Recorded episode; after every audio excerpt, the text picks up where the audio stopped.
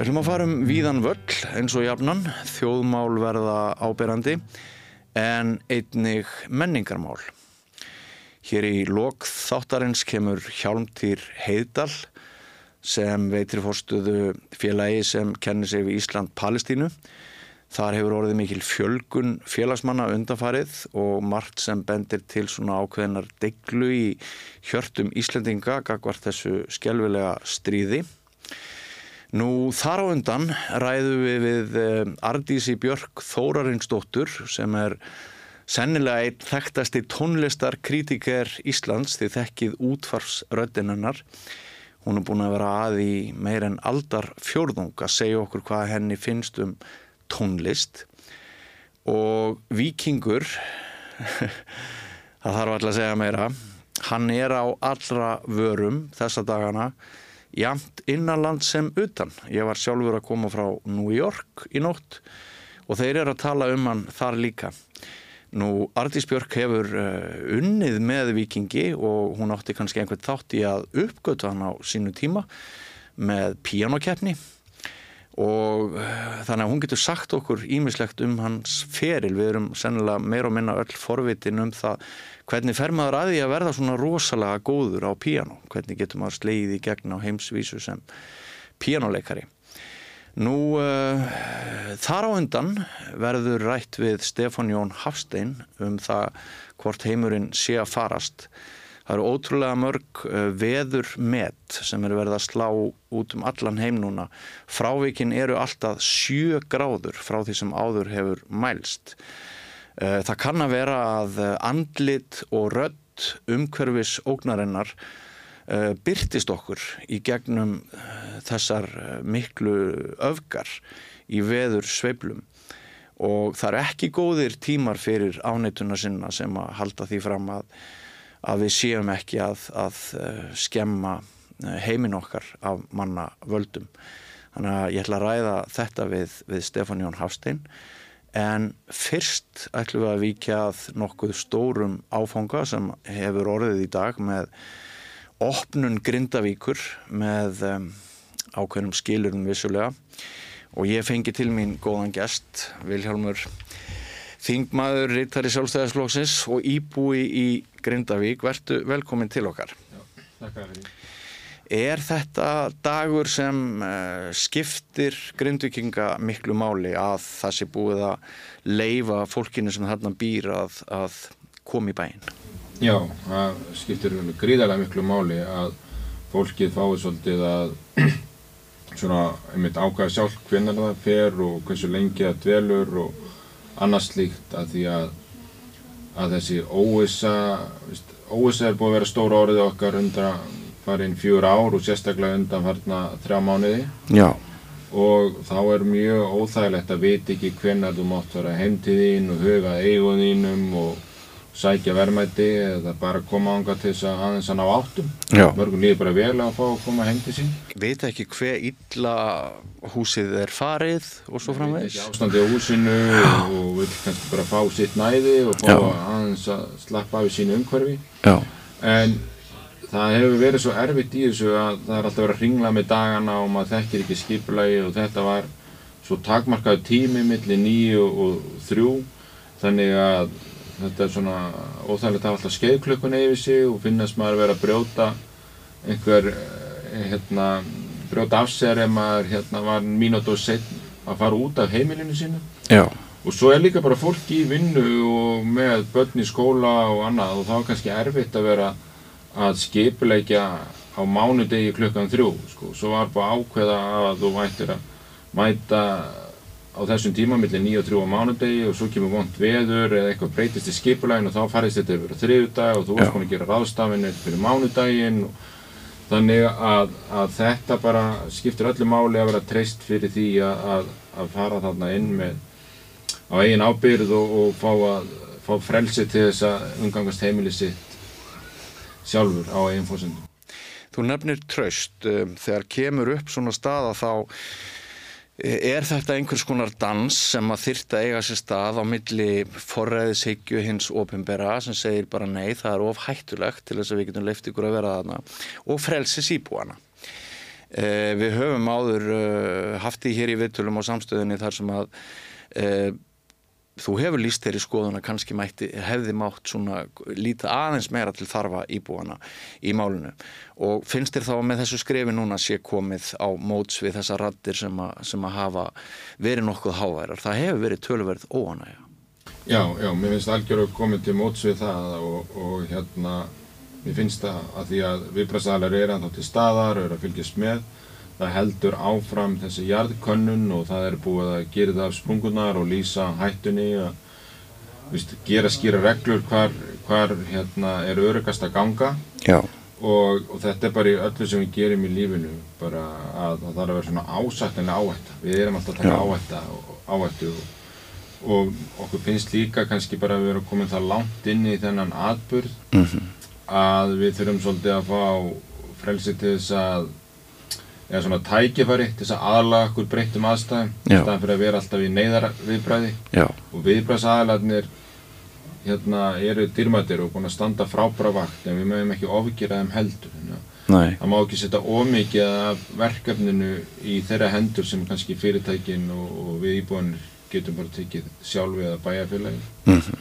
og hérna þannig að ég held að þetta sé bara góður áfangi og vona bara að hann þróist vel og auðvitað getur alltaf það er hættulegt að vera þarna og við þurfum að bera virðingu fyrir náttúrunni. Þannig að það geta komið upp aðvik en, en, en, en það er bara því miður þannig útælu lífi. Engin staður fyrir börn segja almannavarnir. Nei og ég tek alveg hins að rundi það. Það, það, er, það er ekki að vera með börn og eins og staðinu núna er ekki eins og hægt að vera með gælutýr heldur. Allan ekki úti við Já. það er hérna svona gjallum allan bæ. Já sem bara stingur og er beitt og annars stjórn þannig að, þannig að, að það er þetta er ekki bæri eins og ég er til þess að vera mikið á ferðinni fótgangandi Nei, hvernig kýktið þú síðast á þitt hús? Ég fór heim á sunnudaginn síðallin Og í hvaða ástandi er það? Húsið er í óbreytt ástandi. Það, það var svolítið laskað þarna eftir 10. november, ekkert, ekkert skemmt en laskað. Mm. Það er færst til í, í, í loðinni og annað slíkt, mm. en hallar ekki og þannig að ástandi á húsinu er svona bara svipað. En, en mér fannst svona breytingarnar á bænum vera yktari núna þegar var, snjórum var að fara eftir þetta mikla frostatímabil og búið að koma þessi atbyrður svona að maður hafi ekki séð bæin eftir að snjórum fór eftir síðasta atbyrð eða þar síðasta eila mm -hmm. og, og þá hérna mér fannst svona meiri brekkur og skakkar í götur og annars líkt heldur en ofta áður en, en það er alltaf gott að koma í Grindavík og, og, og það hérna er alltaf bjart yfir samt sem aður En, en er þú í þeirra hópi sem hafa tekið ákvörðunum að snúa ekki aftur? Ég hef nú ekki tekið ákvörðunum að snúa ekki aftur en, en ég, hérna, ég er þeirra hópi sem að mun nýta mér upp köp ríkisins en það húsi mitt staðsett við hliðin á staðstu gjánni og annars líkt og er laskað og þannig þannig að ég hef ákveðið að búa til fastan punkt fyrir fjölskyldun aðurum stað Já. á meðan þetta gengur yfir Já. svo þurfum við bara að sjá hvað það tekur langan tíma og hverja aðstæður verða þegar að það er að kemur hvaða ákvörun fjölskyldan tekur þá Já. En Ég... okkur langar sem fyrst til aftur til grindaðugur því að það er samfélag sem okkur leiði vel í og, og, og þar sem við eigum svona rætur sem fjölskylda. Já. Uh, Ég var að koma frá New York og það var bara fjöldi bandarækjumanna sem að vildi ræða við mig. Þess ræðilegu náttúruhanferðar á Íslandi. Það hefur auðvitað verið mjög mikill frettaflutningur af þessu máli á heimsvísu og uh, staðan var máluð upp þar í, í svona verri litum, dekkri litum heldur en kannski raunberi vittni hér um Hvernig er bara tilfinningalíf hins almenna grindvikings þessa dagana? Er, er, er, er þetta svona, eru þið í, í, í miklum, eh, er þetta, þetta spurning um að halda eða sleppa? Er þetta svona ákveðið svona limbo, sorg yfir því að, að þurfa hverði ákveðin veruleika, þú ert líka byggja einhverja framtíð, er flókið mál að vera grindvikingur, landlaus grindvikingur í dag?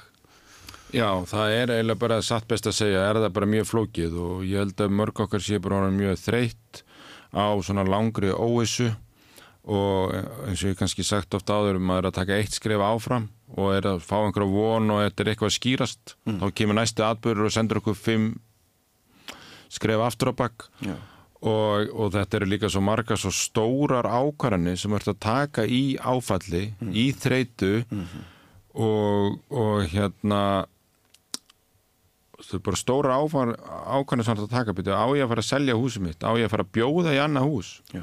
og á ég að fara að kaupa mér hús í Reykjanesbæ, Þorlásöp Reykjavík eða einhvers þar allt annar staðar margir eru náttúrulega líka bara hvað með vinnuna mína og svo er náttúrulega eru mjög mörg fyrirtæki við einirkjar og annað slíkt hvað er alltaf þau hérna þau eru ekki bara að taka ákvörðun um að halda utan um fjölskylduna sína veist, hvað eru börnin að vera í skóla, íþróttum og hvernig að púsla því fjárhægur fjölskyldunar og heimilið, en það er líka fjölskyldufyrirtæki sem ja. aðlegan er bundin í Já. og þannig að og svo er það amma og afi eða mamma og pappi eða eitthvað sem maður er að hugsa um líka Já. þannig að, að, að þetta er bara mjög töff verkefni og það verður bara viðkennast og þú ert þennan daginn að við byrjum að ræða um opnunina Mm. Þú ert einn daginn segja, er húsið mitt í lægi er vatn eða hiti? Er búið að leka inn í húsið mitt? Er það frosið eða er fristikistan og allt í henni ónýtt? Og þú ert að ágjör þessu, hvernig fæ ég að komast? Byrju er ég á mánudanir þriðdægin og ég að fá sendibíl, hvað er ég að geima dótið mitt? Ég en hver er að skuttla krökkunum í skólan og meðan og, og hvenar eru æfingarnar? Og þær eru á sikkurum staðnum og, og hérna og hvað með fjölskyldurna og allt þetta veist, þetta byrju já, hvaða, hver getur við búið? Og er ekki að leigusamning, er ég að fara að kaupa eða hvernig er með frumvarpi á ríkistjórninu, er að brunabótamat eða fastegnamat eða hvernig klárast málið og Já. hvernig er hérna fresturinn á, á kaupsamningum að renna út, er ég að missa íbúinu sem er búin að koma, ná að festa mér og, og bara hvernig verður svo borgað út? Og hvernig með forgusréttin, ef ég sel húsið mitt hver á hugsa um það, má ég leia það, hef ég aðgengi að því? Og, og og hérna allt þetta sko. Þar ég að fara Suðustrandavegin og Fjallvegin eða má ég gera Grindækuvegin nú er ekki Grindækuvegurinn þannig að svo voru margir sem ætluð að kaupa á Reykjanesinu og voru að horfa til þess og þá fór heita vatni þar. Já. þá frétti ég að það fór bara allt á staði þólasöp margir að fóru bara ákveða að frekar að leita þangað. Já, og við vorum með Elliða Vignisson í Ölfusi sem talaði um að hann ætti jafnvel vona hundruðum grindvikinga yfir í þeirra sveitarfélag. Já, ég bara hérna það kom, það voru margir grindvikingar fannir að skoða þólusöp og elliði hérna bæði þekkir þessar aðstæðar, hann flutti sjálfur til Grindavíkur þegar hann þegar gósi kom í Vestmanniðum Já. en ég, ég heyrði það að það voru bara enn fleiri. Listin bara hérna það var ennþá meira að gera fastingnarsölunum í, í Þólasöp þegar að þegar að veiti innviðinni brus, eh, brustu á, á, á sögnisum Já. Viljálmur, það er búið að vera bara hérna uh, þakkarvert uh, hvað þú hefur verið ötull við að, að koma hér til okkar og lýsa svona daglegum uh, þangagangi ykkar grindvikinga síðan þessar fordamalösu náttúru hamfarir hófust og um, ég óska þér allsins besta og ykkur öllum og þótt að sé kannski hallaríslegt að segja það, þá er það samt þannig að, að hugur okkar hinna er hjá ykkur. Ég er bara takkjælega fyrir það og það er ekkert nema sjálfsagt og bara gott að fá að koma yngað og segja eitthvað sög og við þökkum ykkur líka fyrir að gefa okkur þessa aðtekli og, og, og, og hafa hugin. Það styrkjur okkur þegar hugur þjóðurinn er hjá okkur. Bara takk fyrir okkur. Gott að heyra. Nú, eh, hér eftir andartak eh, sest hjá mér Stefán Jón Hafstein. Við ætlum að ræða uh, umhverfismál tengt bókinni sem að hann skrifaði hér uh, ekki alls fyrir löngu, heimurinn eins og hann er og hann má kannski segja að afneitun sé hluti af því ástandi sem við búum við, hvað var þar umhverfis og lofslagsmálinn en þessi afneitun hún er það er svona Það fellur aðeins á afneitununa þegar við erum að velta fyrir okkur öllum þeim öfgametum sem er verið að slá í veðurfari. Þannig að farið ekki langt Stefán Jón hér eftir andartak og svo höldum við áfram yfir í menningu og fleira og fleira.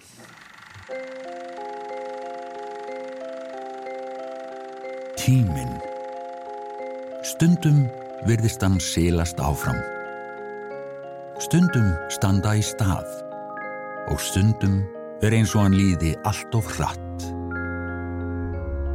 Tíminn er okkar dýrmætasta eign því hann fáum við aldrei aftur. Þess vegna er mikilvægt að nýta hann vel og selja hann ekki ódýrt. Við sættum okkur ekki við að tími sumra sé álitin verðmætari en annara og berjumst fyrir bættum kjörum. Fleiri augnablikum með fjölskyldu og vinum. Því augnablik eru lífsgæði. Lífsgæði sem við höfum barist fyrir í yfir 130 ár.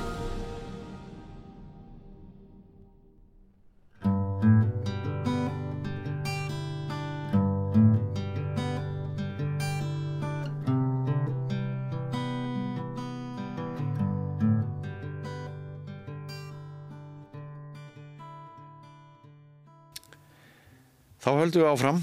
Uh, ég rætti við Einar Sveinbjörnsson, veðurfræðing í dag. Gerði fréttum það á webnum samstöðin.is sem þið ættu endilega að fylgjast með. Við erum konið með fréttavinslu frá mótandi kvölds 7 í viku, 365 dag á ári. En uh, Einar uh, var að segja mér frá öfgafylstu metum sem hafa fallið jafnvel bara í sögunar rás á bæði hita og kuldasviði. Frávíkin eru alltaf sjö gráður hvort sem við horfum austur eða vestur og þetta minnir okkur svolítið á umhverfisvandan sem stundum eins og liggur niðri þegar aðrar ógnir steðja að. Um, hingaði komin góður gestur, höfundur bókar sem að reyndi svona að ávarpa þetta mál. Stefán Jón Hafstinn, velkomin. Takk. Heimurinn eins og hann er, skrifaður þau. Þar varstu svolítið að leggja út af því að með sama hætti og rómarveldi hrundi þá gætu aðrir heimar hrunið. Já, já. Eftir útgáfu þessara bókar mm. þá er margt sem bendir til þess að það sé jafnvel hraðari stigmögnun heldur en talið hafi verið. Er heimurinn að fara til helvítis? Erum við öll að farast? Nei, aldrei ekki. Ekki öll. Ekki strax. ekki öll og ekki, ekki strax. strax. Nei. Nei, það er náttúrulega, ég held að mannkynsaðan kann nú ekki frá neinu heimsvelda greina sem ekki hefur liðundi lók. Og Róm er náttúrulega, Rómaveldi er náttúrulega alveg erki dæmi. Það er svo nær okkur, bæði í sögunni, landfræðilega Já. og í menningu. Mm -hmm. Því okkar pólitíska menning tengi spint Rómaveldi. Einmitt. En uh, hugmyndin var auðvitað svo að benda á það að við erum komin ansi þetta heimsveldi okkar sem erum, ég skulum bara segja ríku löndin. Já. Þau sem að menga mest, Já. þeir sem neyta mest Já. og eru voldugust á öllu leiti, efnaðslega, hernaðlega, sumuleiti félagslega og menningarlega. Já. Að uh, við erum komin ansi langt á leið okkar. Já. Og það sem er uh, núna að, sko það sem ég var að rekja var það að lofslagsvandin sem við kollum og er hefur náð, er náttúrulega mjög yfirþyrmandi í allir umræðinni eðlilega. Við höfum þetta fyrir augunum á okkur sem mikið hverjar afleðingarnar eru og í sívaksandi mæli. En tengingin við hrun visskerfana þarf að vera aðna líka Já. og hrun matvælakerfana þessu sem að fórar okkur, heldur í okkur lífi. Við stefnum í að verða 10 miljardar, við erum 8 miljardar núna. Já. stefnum í 10 miljardar á þessari öld, kannski upp úr 2050 það er ekki nema 30 ár, Já. og spurningarna þá úr því að við mögum ekki halda áfram að blása svona miklu út á gróðurhúsaloftegundur sem að halda inn í hýta endurvarpa, hindra endurvarp hýta frá sólu. Uh, með visskerfin þá er bara einfalt mál við erum búin að drepa 70% sko takt, takt eftir 70% af plöntum og dýrum á jörðinni hafa verið drepin síðan ég var í mentaskóla Já. á 50 árum Það er þannig. Já. Já. og sko það er algjörlega augljóst að það er hægt að halda svoleiðis áfram eða það eru 30% eftir og taka 70% af þeim næstu 25 árin eitthvað svoleiðis.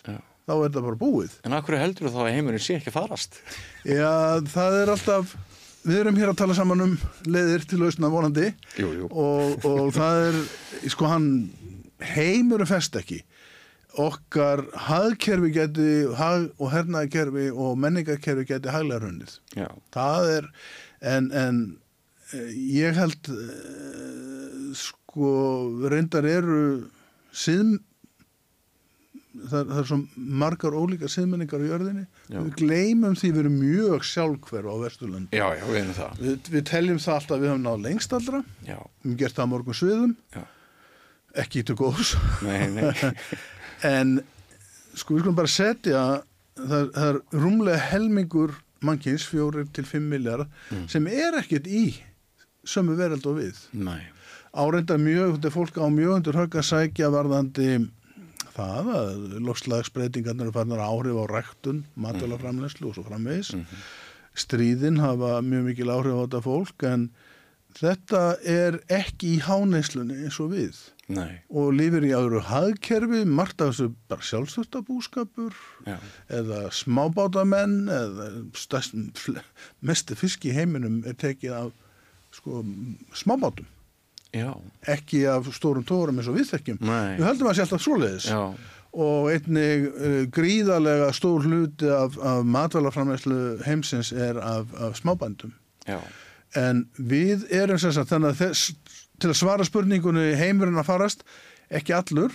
Svona mjög margt í okkar um, menningu, hagkerfum og svo framvis, okkur sem eru komið lengst, við erum í neysluæðinu, segja neysluæði neyslunni, segjum það bara. Já, að, að jörðin rýs ekki undir því og það eru þólmörkjarðarinnar sem hafa verið skilgrein núna mjög vel og er módel sem er raunar hefur ekki verið hafnað hefur reynda verið bara stutt mjög mörgum gildnur rökum sem kom fram 19, 2009 frá Stockholm Resilience Center og Jóhann Rockström er svona fadir þessa sem talar um þólmörkjarðar þetta eru nýju svið eitt eru gróðhús sko er bara eitt af því eru gróðhúsalóftegundirnar já, svo er það framburður að tilbúnum áburðu út í lífrikið það er ósonlægið það er jarðvegseyðingin það er vaskorturinn sem er mjög yfirvandi þetta eru nýju svið. Og við erum komin út á rauðasvæðið af, á sex af þessum nýju, ef ekki öllum en þetta ekki alveg, en að minnstakosti sex af þessum sviðum eru komin út á rauðasvæðið Já.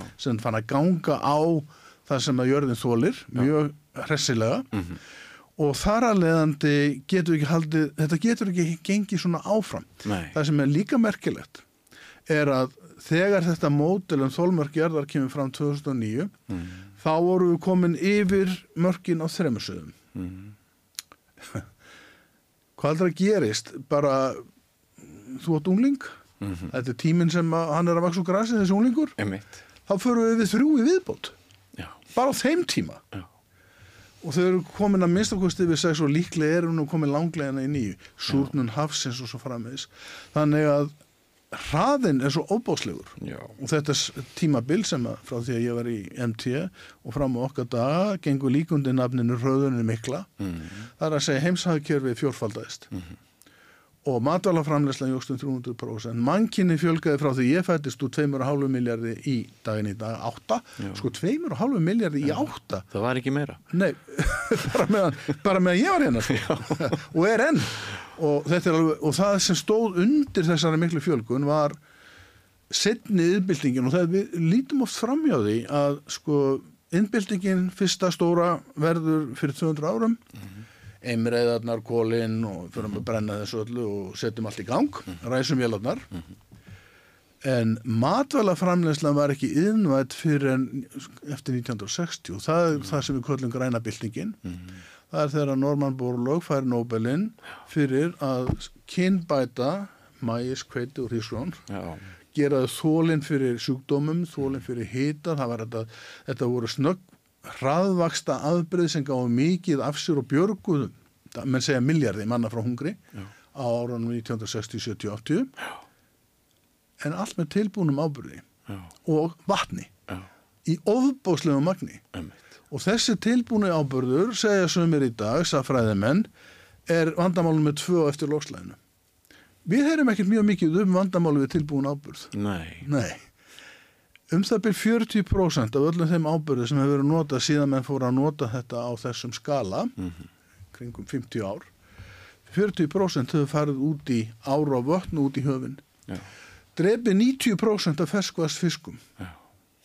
90% af 90%. ferskvarsfiskum hafa drepist og það er langstæstum hluta af því að kenna, já, mengun almennt en líka stórum hluta ábyrðun. Það sem gerist þegar ábyrðun kemur út í átón vötnin, það myndast þörungablómi, þetta fyrir út í höfin, það myndast annað þörungablómi, súröfniskortur og það eru 10.000 kílómetra á hafsvæðum sem eru döðir. Þetta mun, þetta mun kenna mér enn betur að meta það að ég geti ennþá veitt urriða í mývatni. Já, en passa að vera ekkert að bera á á bökkum í. Já. Það er eitt af því sem við höfum stundum rætt fyrir norðan. Einmitt. Já, og á, við hefum séð þetta hérna, mm, alveg, þetta er svo fáránlegt í Englandi þar sem að náttúrulega akkuratnin á alveg niður það er, mm, flestar ári í Englandi eru döðar. Já, það er bara þannig. Og við sjáum mjög mikla hættu hér á landi en sem betur fer þá hefur þetta ekki gengið alveg jafn langt vegna þess einfallega að við höfum miklu meira landrými heldur en margir aðrir. Og svolítið annar hlutur sem hefur yfirskikt umræðina með íslensku lagsveðjárnar. Já, já, svo er það. En, en ég veit að það er ekkert verið að fjalla um tilbúin áburð og afleðingarnar á honum í fréttamilum dagsins. Nei. Og þetta var alltaf uppljómun fyrir mig að, að lesa um þetta og kynna í samhengi við þólmörkjarðarinnar. Mm Eh, ég saði ykkur frá hrunni visskerfina 70% af dýrum og plöntum hafa dáið á 50 árum. Nú settu, og þar að leiðandi, ef við förum aftur af lofslagsbreytingunum, þá er það bara einn hlut í málsins.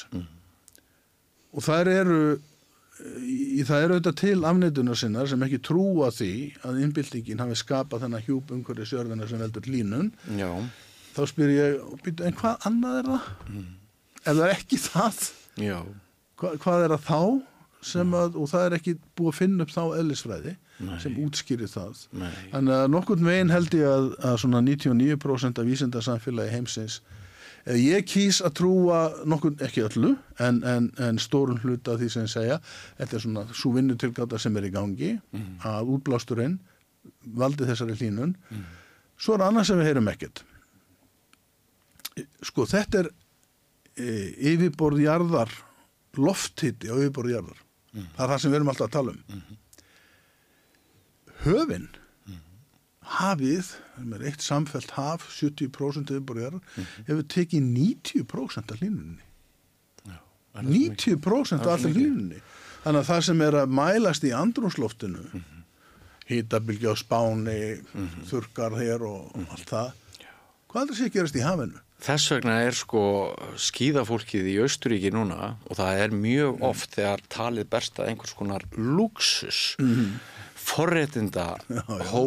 Já, já. sem að sko að, að það er eins og þurfið það til þess að, til þess að fólk hlusti. Að núna er sem sagt hitastíð í Austuríki í februar búin að vera 6,8 gráðum yfir því sem hefðbundið er og það er vegna þess að höfin þarna fyrir sunnan eru svo ótrúlega hlý.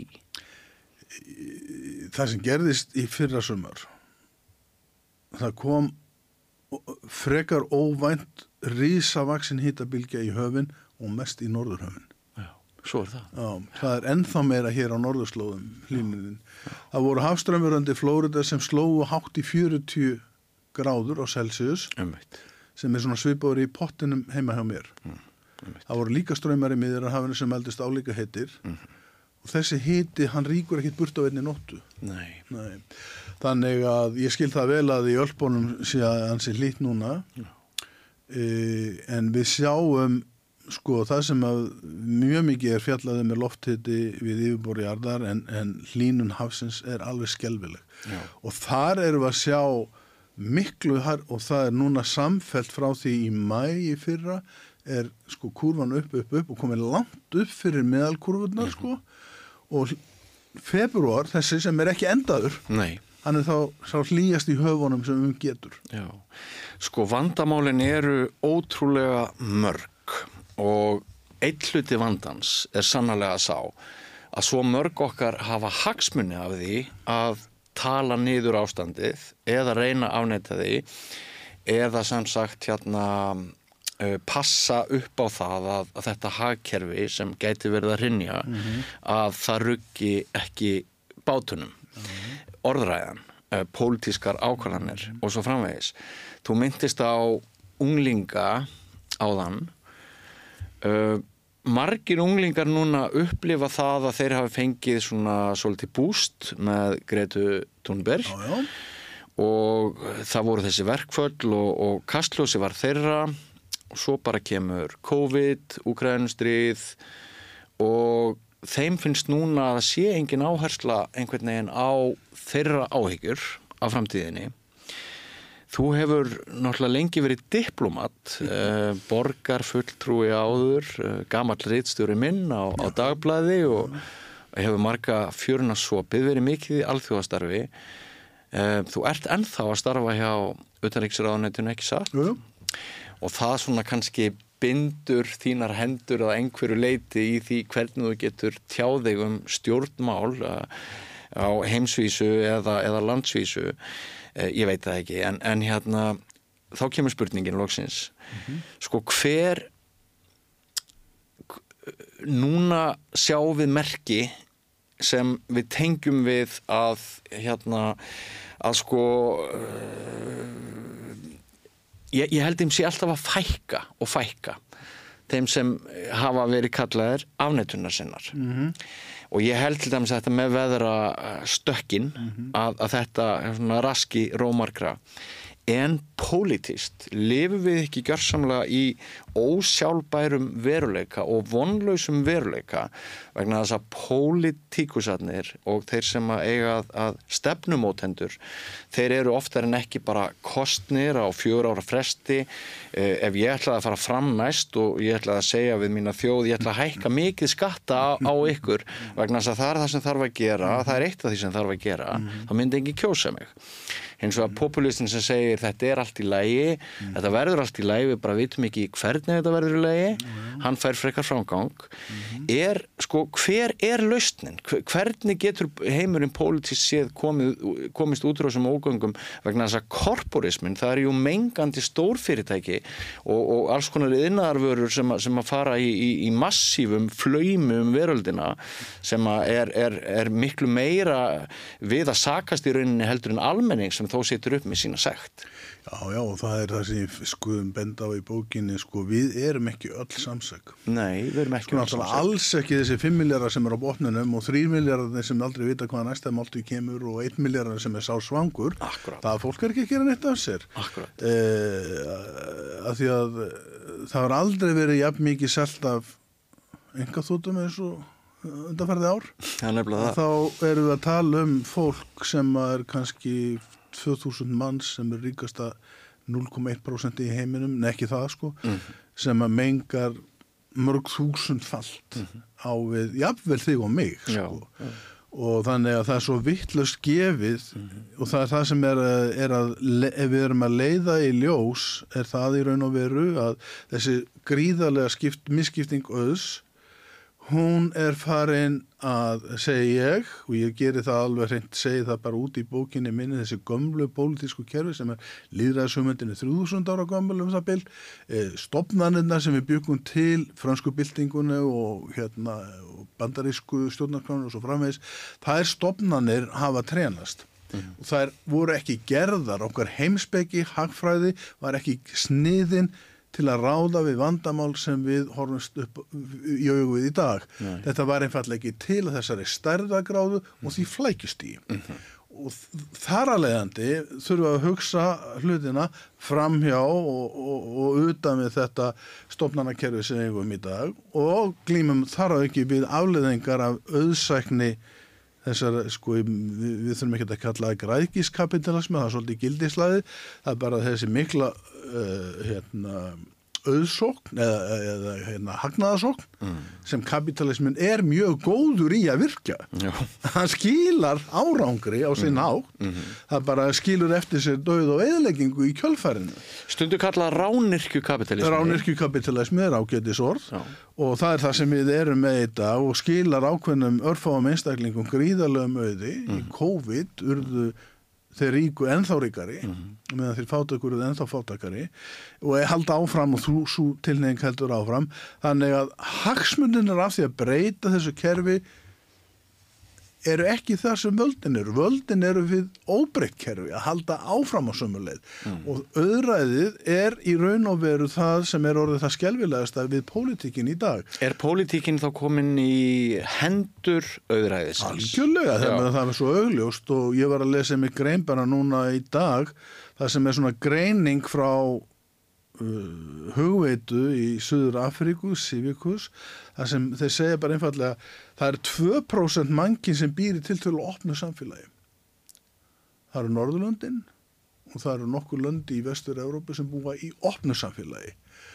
Þeir sem bú, svo eru fimm stig sko, bara lokara, lokara, lokara, svo eru konið til Rúslands og Kína áttu í algjörlega lokuðu samfélagi og kúunar samfélagi og, og þar er stærsti hluti mannkins.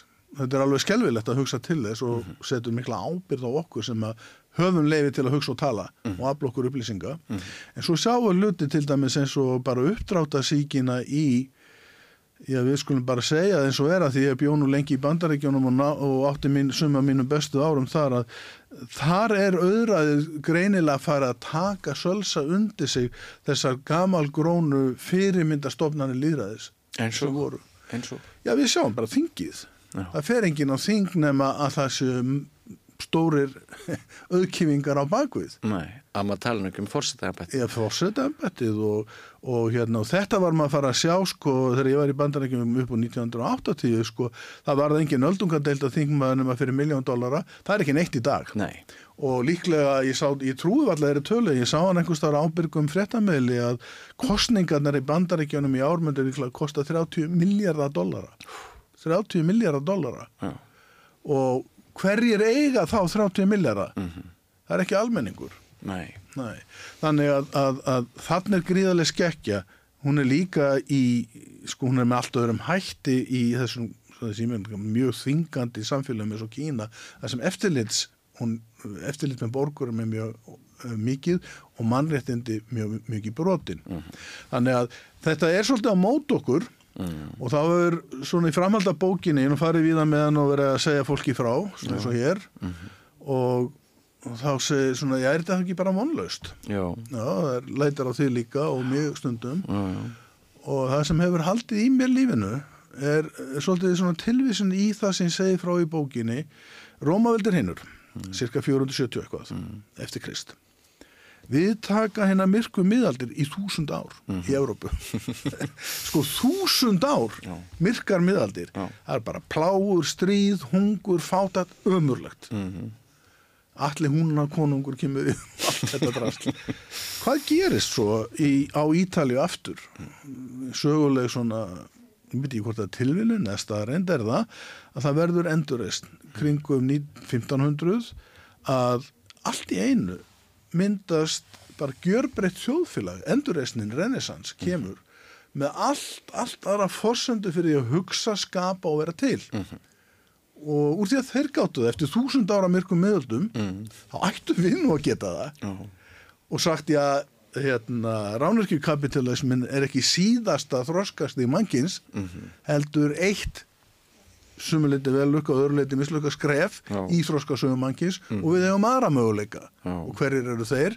Þeir liggja þá í sköpunarkrafti mannkins sem ég segi stundum við þegar ég tala við unga hérna, námsmenn. Síðasta uh, auðlindin sem er ótæmandi á jarðriki er sköpunarkrafti mannkins. Já, það er engin önnur eftir. Nei, ekki einu svona loftið, ekki vatnið það sem ég held, og ekki einu svona tíminn vegna þess að tíminn sem auðlind er á þrótum Ég ætla ekki að taka þið niður úr, úr þessu, þessari bjarsínu tölu sem við þurfum öll að, að hlusta á. En á sama tíma þá segir Sir Anthony Hopkins að við lifum á tímum þar sem inntækið er farið úr lífi okkar. Og allt snúist um framhliðina, útlitið. Já, veistu, ég, ég er ekki sammála þessu. Nei, Nei, það eru það er rosalega mikið til að góðu fólki já, það er gott að minna á Já, það. við þurfum að muna það og það sem byrtist okkur eh, líka að muna það það sem, það sem að sko við skulum bara tala auðvald og ég er ekki að tala um eins og þið í sósælistafloknum gerið hérna. Ég er ekki sósialistarfloknum bara svo það sé Þetta er fjölmiðl sko auðvaldið er bara sko auðvaldið er bara að tala um svona púra hagfræðilega og pólitískt auðvitað, hugmyndafræðilega. Sko það sem auðvaldið ný, vill byrt okkur er ekki einn sannamynd af heiminum, Nei, við erum að muna það. En aftur að þessu með sko kjörtímabilin og pólitíku Jú, þetta er alveg rétt að því að kerfin voru sniðin sko rómverðin sett upp, þú mátt vera konsul í tvö ár. Já, það voru setja valdinu skorður svo enginn ofmetnaðist nú. Nei, og þú máttir aðeins vera konsul einu senni já, og, og hérna, svo mátti náttúrulega þeir hötuðu konunga og þess vegna var sko, þess vegna mátti þeirra César þeir, voru svo hrættum að alltaf vera konungu, þeir drapa hann. Já, en hann, Césarinn sagði ég er César, það er annað sko, maður fólksins. Já. en þar var byrjað þessi að setja að völdum skorður og bandaríkin byggu til mjög ykta útgáfu því inn í borgarlegt líðræði Mm. það er verið að kjósa á hverju í að tveggjára fresti í öldungadeildina í fulltrúadeildina fjóru og fórsetin alltaf í kostingabartu Mhm. og þetta er mjög skemmandi.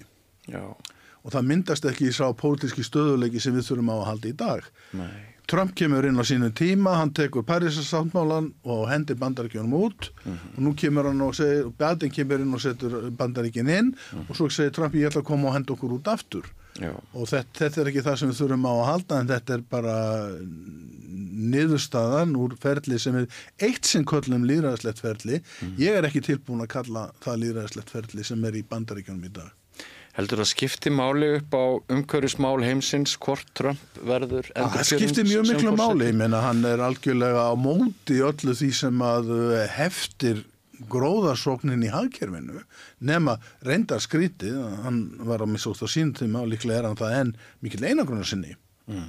Natt, eh, nattvæðingin er náttúrulega mjög öflugt tæki til að skapa meiri rentu, meiri gróða.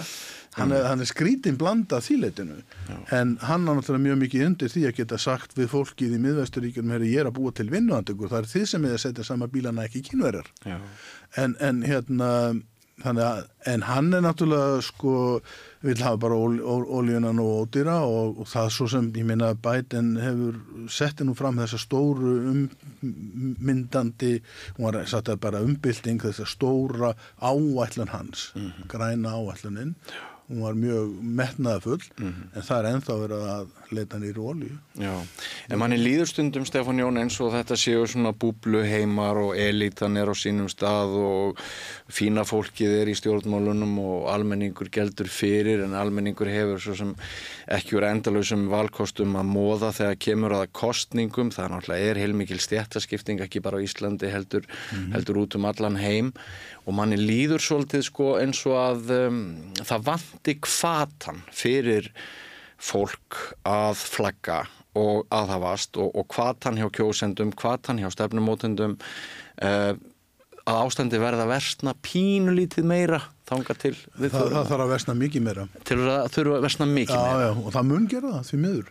Það mun versna mjög mikið meira sjá, við, millistéttin í ríkulöndunum ekki bara vesturlöndum við sem keirum á bílum og förum til útlanda í ferðal og allt þetta við sem neytum, það væri jörðin geti aldrei búið það neyslustig ef allir væri á því Nei, eins og er í dag hjá ríku, ríka fólkinu. Nei, nei. en þessi skipting er farin að myndast mjög skýrt.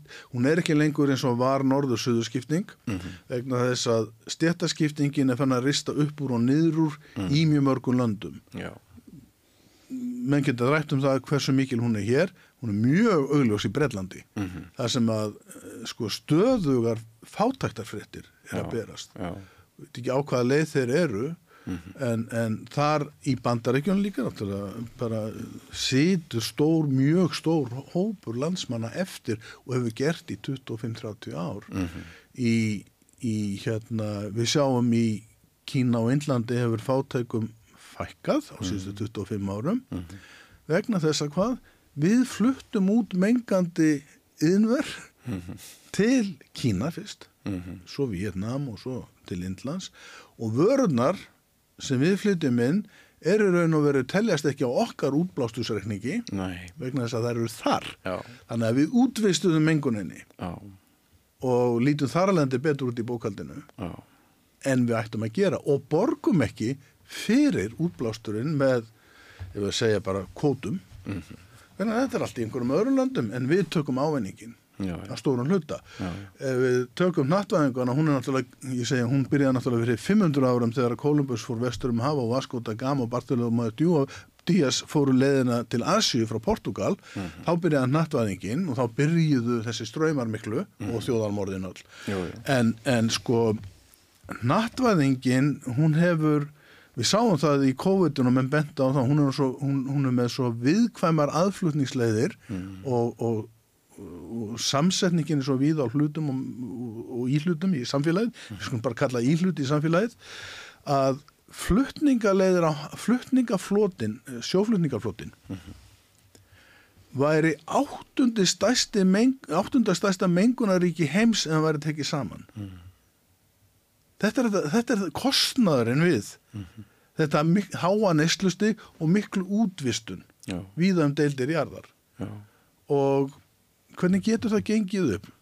Að veiða fisk á Íslandsmiðum, fristan, senda til Kína, affrista, vinna í pakningar og senda aftur hingað og eða til á vestrannamarkaði. Já.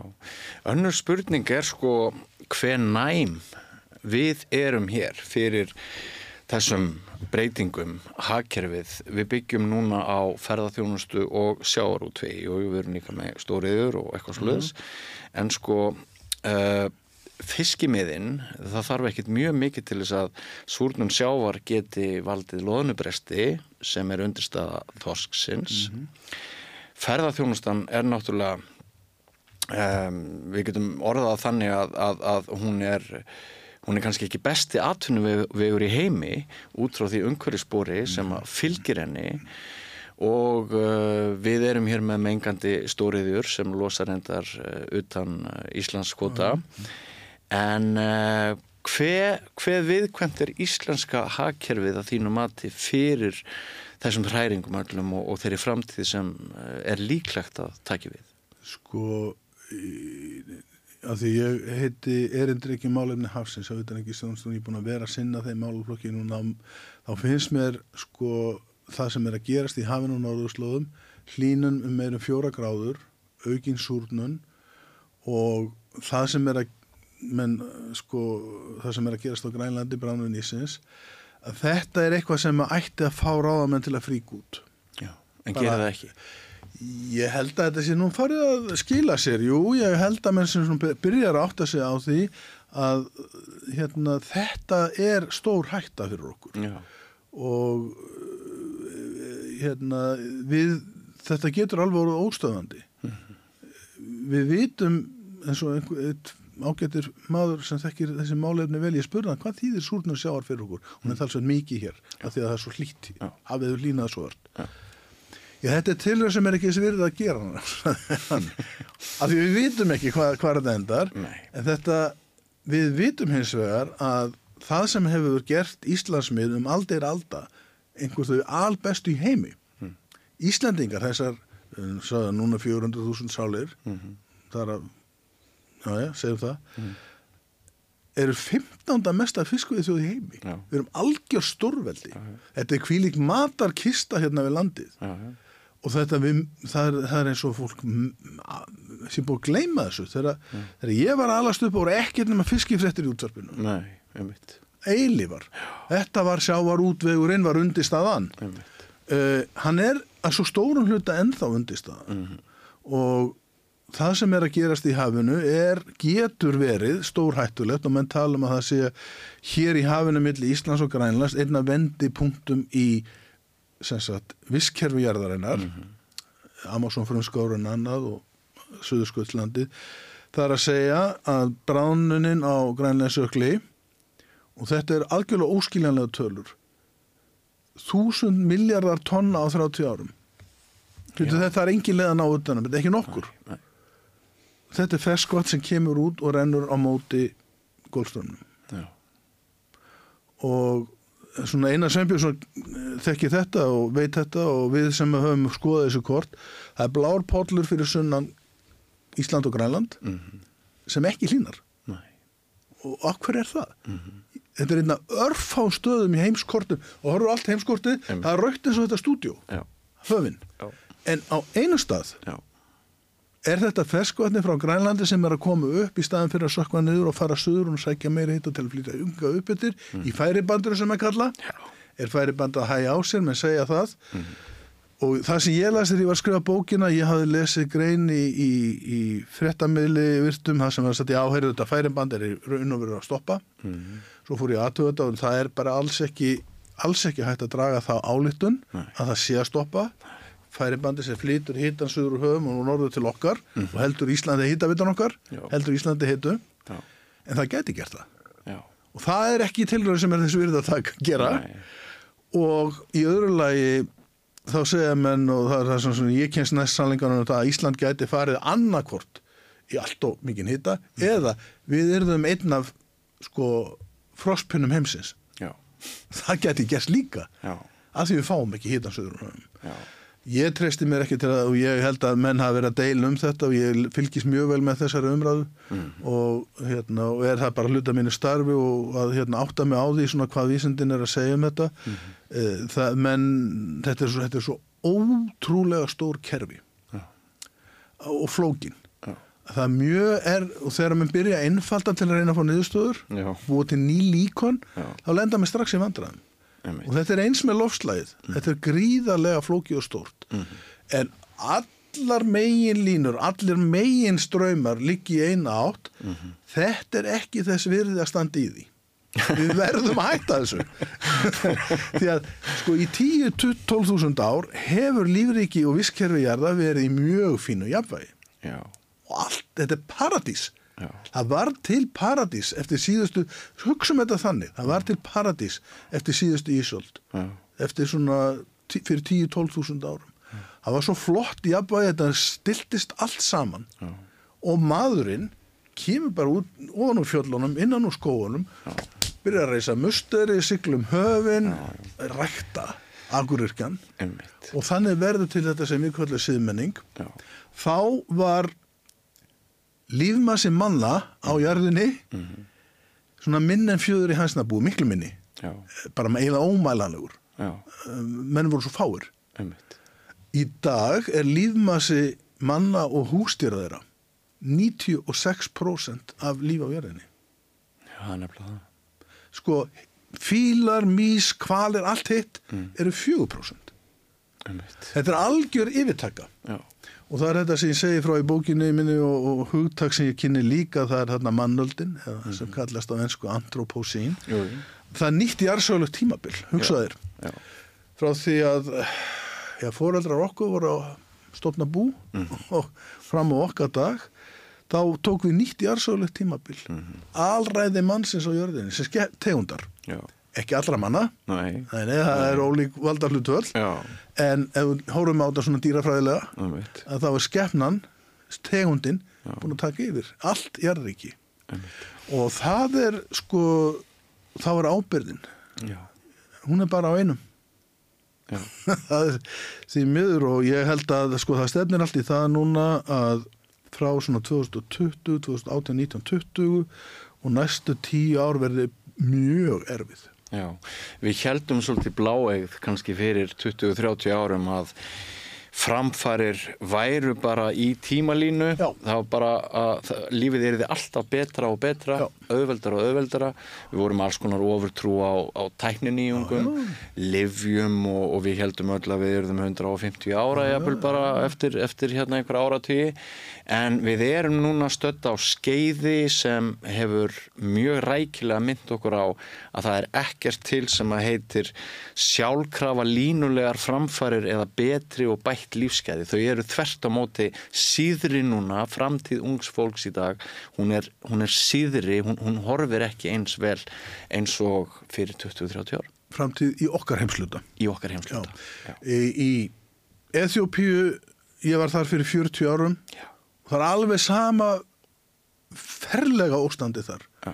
Sútan, Já. Sómalía Já.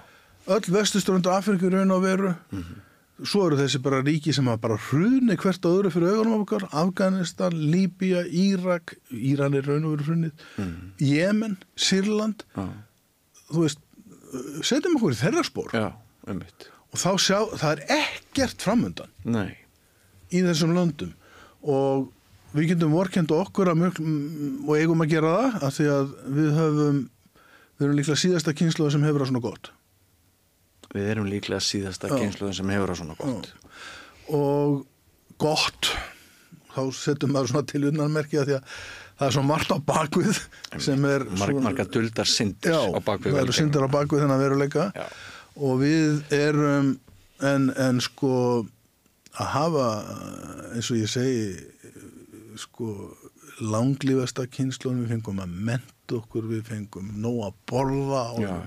stærri og þreknari og helsubetri Og við fengum bjart sínina í æð. Já, það skiptir nú ekki, og ekki það var, leiklu það var máli. ekki lítið mál þessuna þegar til dæmis bókin Limits to Growth eða Endamörk Vakstar kemur út þegar ég er í mentaskóla sem segir, heyrðu þessi línulegi vöxtur sem þú varst að tala um. Einmitt. Mhm. framfara trúin, þetta gengur ekki upp Nei. það eru takmörk, þetta er lokað kerfi Já. Þá var ekki stemmingin svo að heyrðu, vá, við erum að fara að gera eitthvað Nei. Nei. Nei. þeir leit mjög vel út og þessi óðbós græna byltingin komin og það var mjög eðlilegt að með sagði, sjáðu, við leysum þetta Já. og enn í dag er maður að lesa leiðara í dablöðum það sem segir, heyrðu, byttu vísindamenni munu redda þessu Þú meina, fá- mor, meina morgunblæðinu? Ég sagði ekki neitt og, og hérna en það eru sko við þekking okkar er það mikil hún er aldrei nóg Nei. en við vitum nóg Já. til þess að vita að svona getur ekki, þetta ekki gengið hvernig það verður hægt að leysa úr því pólitíst, það held ég að verði bara ekki gert á næstu árum það þarf fleiri stríð og það meira vesen og meiri krísur og fólk mun þjást Já. og það verður á einhverjum tímapunkti á Vesturlöndum að því að við ennþá getum fengi, við eigum og það er náttúrulega maður er svo þakkláttur fyrir það að við megum tala saman hér um það sem Einmitt. og við megum skeggraða hvað geti verið til lausnar og fólk má kjósa nýja leiðtói eða vill Já.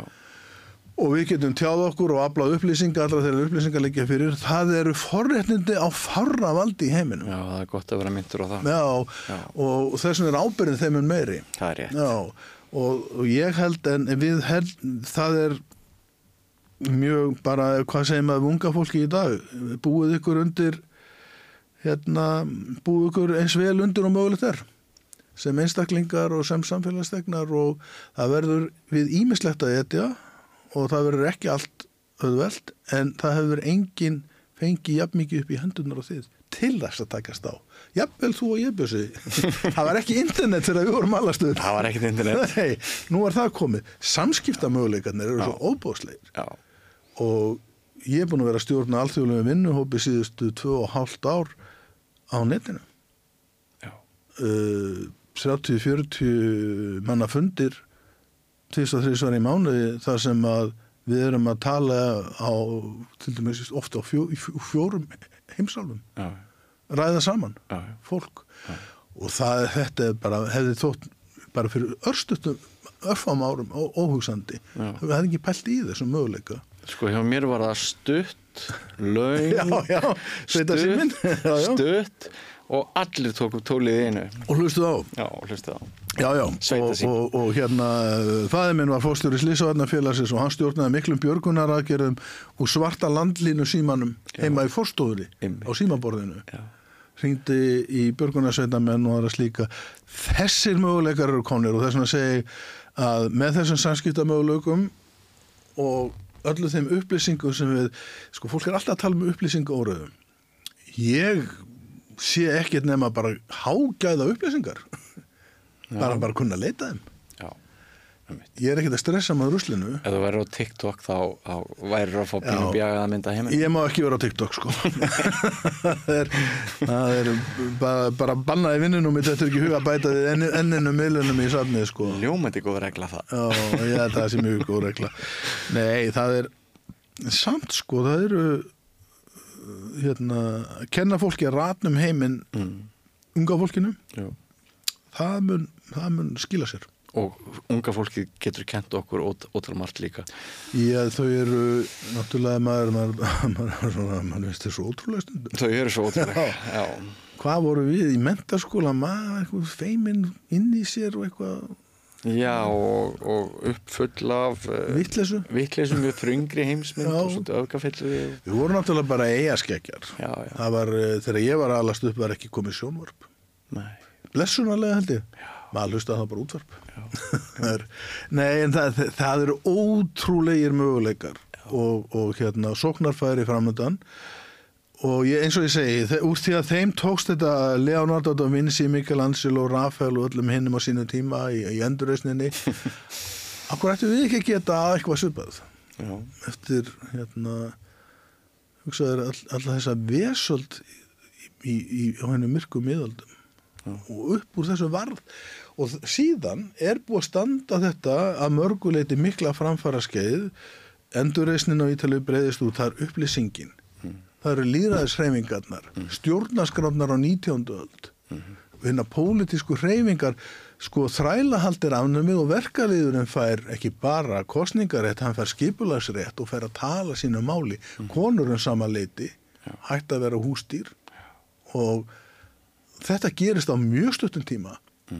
Og úr því að þetta var hægt á þessum stutta tíma bara upp úr samtækamætti og sköpunagleði ættu við þá að leggjast bara aftur bak og gefast upp Nei. Nei, það, ég er ekki til í það Nei, ég ætla að vera í því liði með þér. Stefán Jón Hafstein, kæra þakki fyrir komuna hér í beina útsendingu hjá okkur á samstöðun í kvöld. Við ætlum næst að fara í uh, aðra sálma, menningarsálma. Við ætlum að fá til okkar um, gamal kunnugan kritiker sem þekkir mjög vel til verka Víkings Heiðars sem átti náttúrulega alla síðustu viku hér á Íslandi og orðspórans er ekki bara í öndvegi hér innanlands, hann er raunverulega frábær á heimsmæli hverða. Ekki fara langt. Um 60% eblingarfólks á erfitt með að ná endum saman. Hvernig er að réttlæta það? Ebling stéttarfélag. Baróta fyrir betra lífi.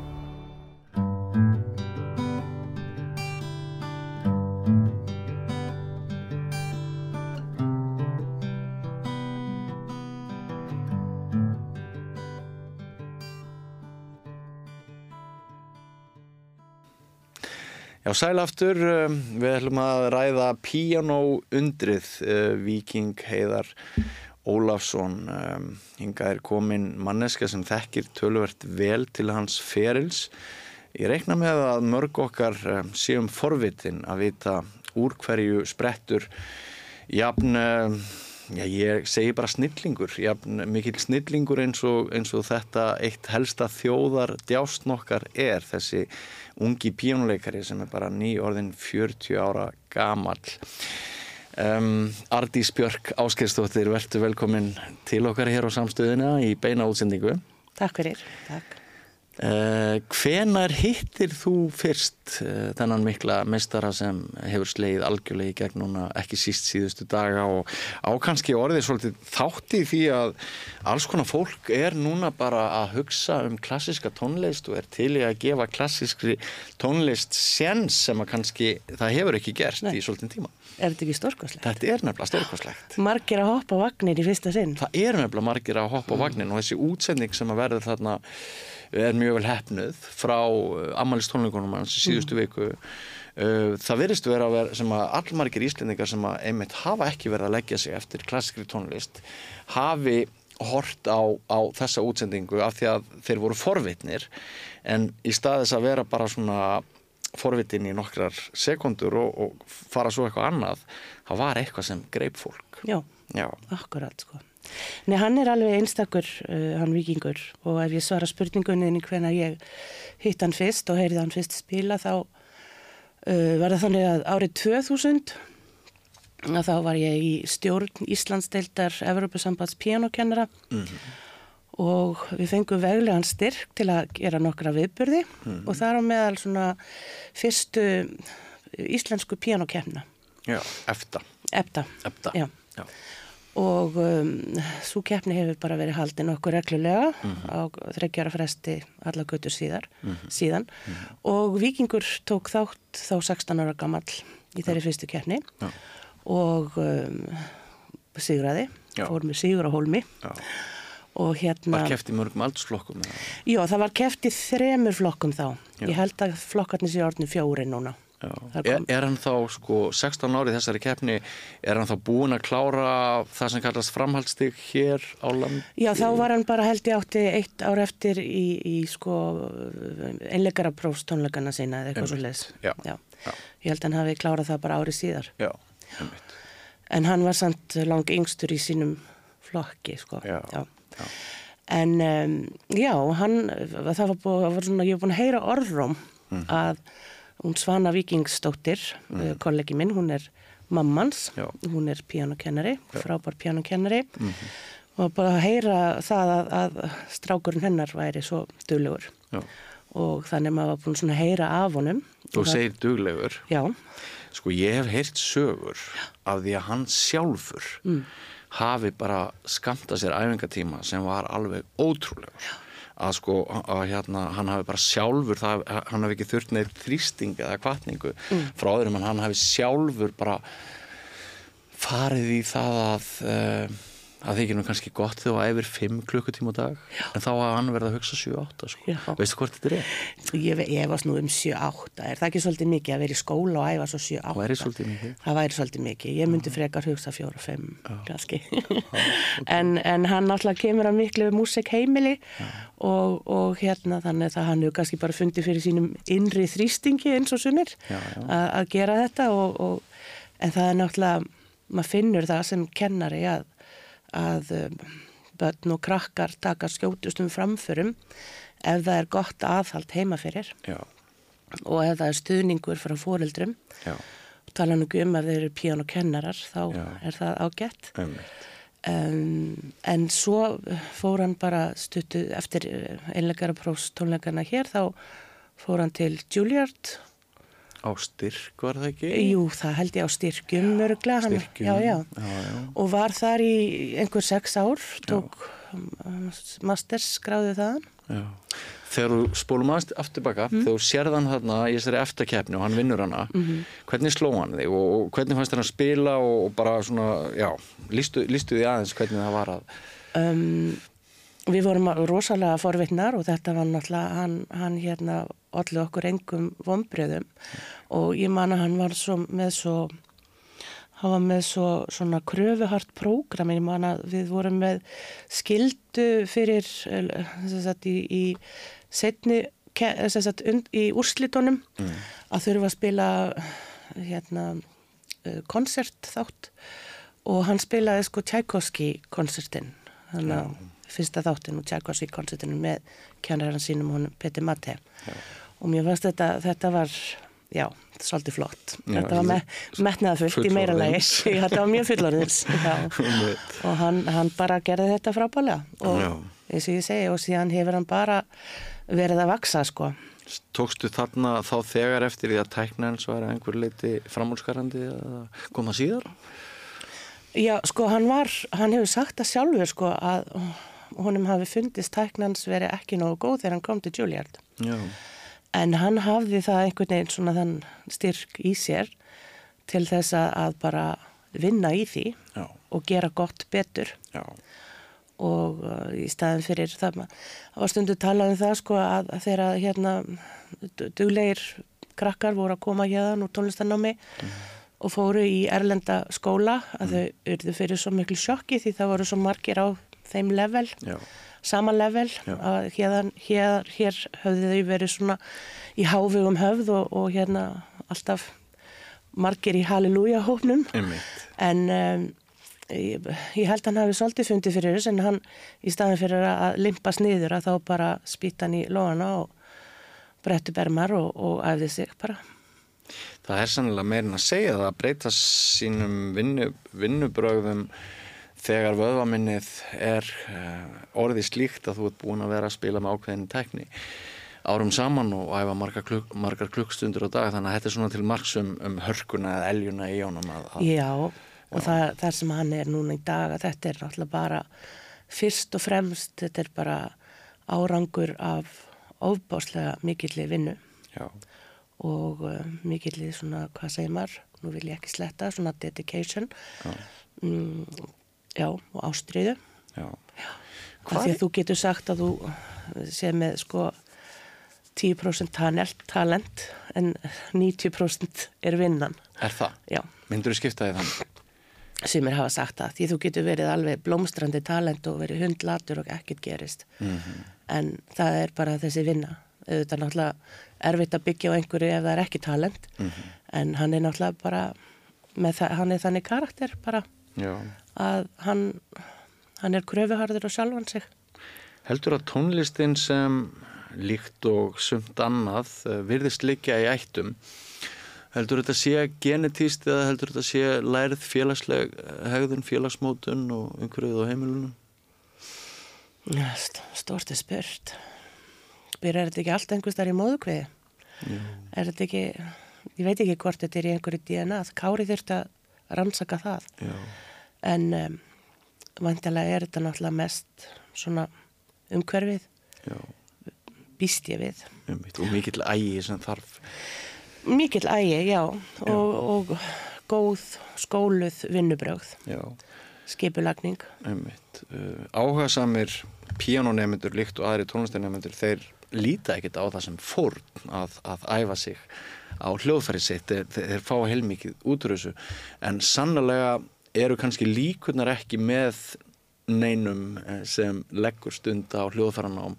Líkunar á að geta orðið atvinnu manneskja hvað þá einleikari eru náttúrulega afskaplega litlar. Sérstaklega að verða einhver koncertpianisti eins og, eins og vikingur heiðar er. Um, finnst þér svona að því þú ert sjálf að kenna uh, bæði börnum og fullornum og píónu eða bara börnum með spennum, en ég hef kent fullornum líka. Já, hefur þú svona fundið fyrir því að þetta sé, sko maður veit að þetta er vitaminsbrauta fyrir samfélagið Mm þetta er vitaminsbrauta bara fyrir framgang klassískrar tónlistar Já. það sá ég bara strax eftir tónleikana í síðustu viku hjá Facebook-vinnum mínum þeir skrifuðu bara fæslur Mm. sem voru bara já, ég var bara uppgötað þetta mikið verður þetta stórkoslegt Ólíklegasta fólk. Já, Já. en heldur þú sko að, að þessi glæsilegi ef að kalla þetta hápunkt túlkunans á þessum Goldberg til, tilbyrðum baks eða er þetta bara, Ég heldur við getum gert það. Við getum gert það. Já. já, heldur að þetta smiti sér inn í, inn í barnamenninguna, draumana á tónlistaskóluna? Já, án efa. Já. Án efa gerði það. Um, Víkingur er svona, hann er svolítið svona, já, frumkvöðull. já, Uh, hann hafði kannski ekki beint einhverjar fyrirmyndir, íslenskar fyrirmyndir. nei, kannski ekki. Hvað með Askenasi? Var, Já, var hann já. ekki á hann um einhverju leiti stöðningur? Jú, hann var mikill stunningur fyrir hann, að, og ég heldur með minnir að það hefur unni fyrst saman þegar að Harpa opnaði Ummitt. 2011, þá Já. spilaði hann Grík-konsertin undir hans stjórn og svona eftir það fór boltinn svolítið að rúla hjá honum því það náttúrulega skiptir rosa miklu máli að hafa um, hafa einhvern sem þekkir þetta alþjóðlega Já, umhverfi einmitt. og, og þekkir svona er með sambönd Tengingar hljóti alltaf að skipta mjög miklu máli. já. já.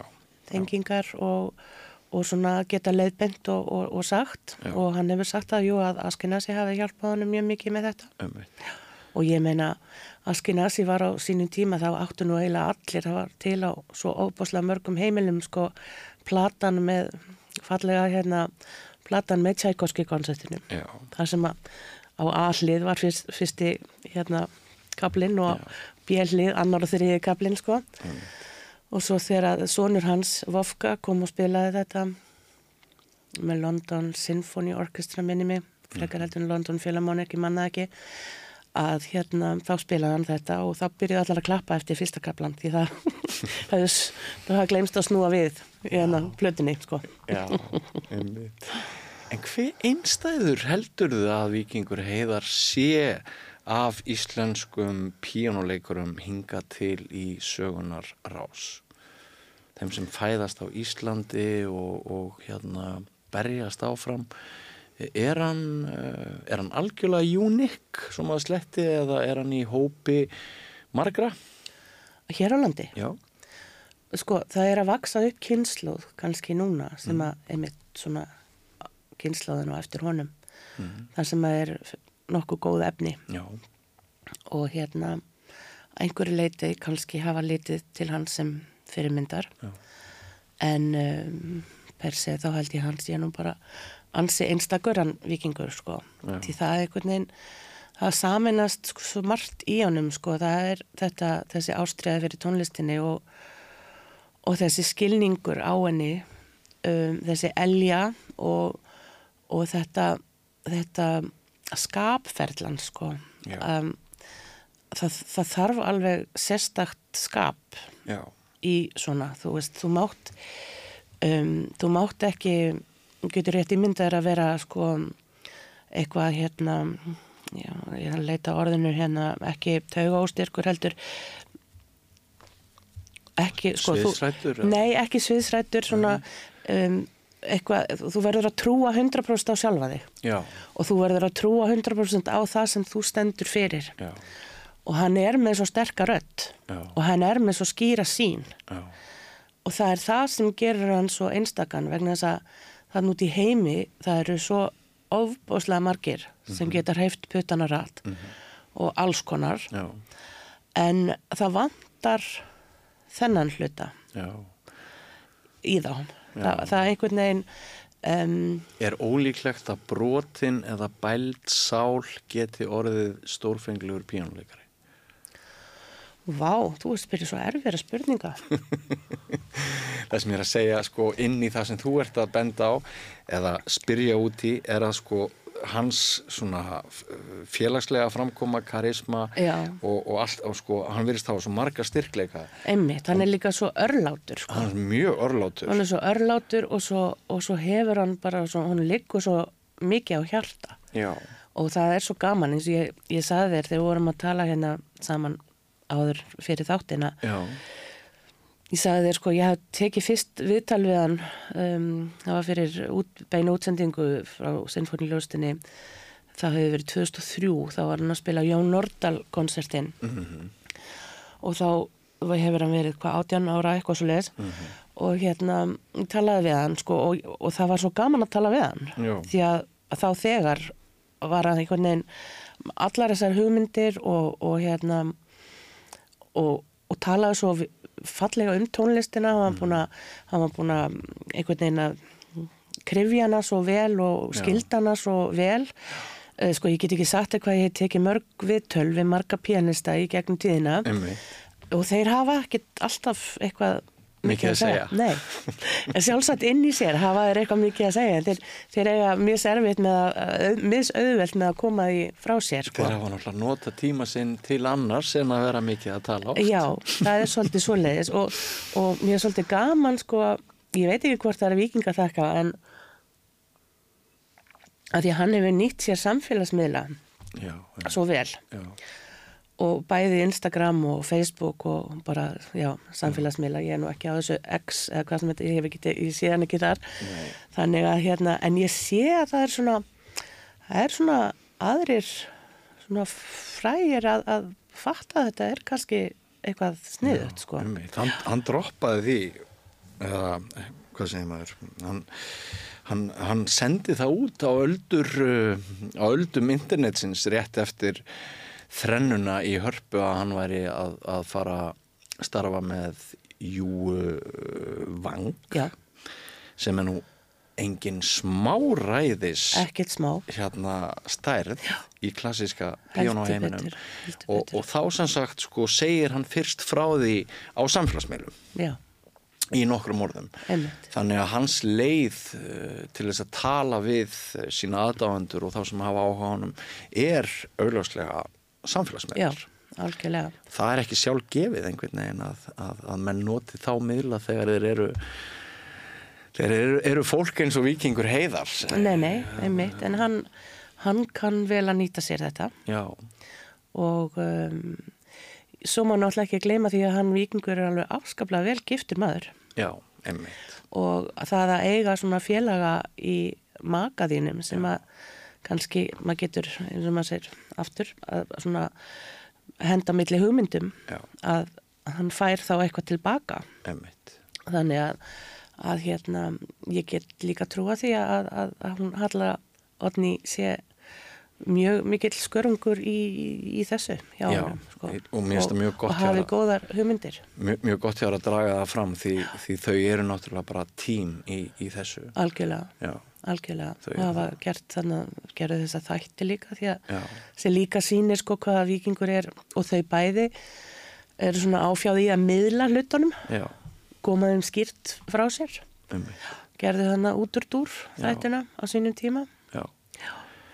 hann sko uh, nú kann að vera að koncertpianisti hafi uh,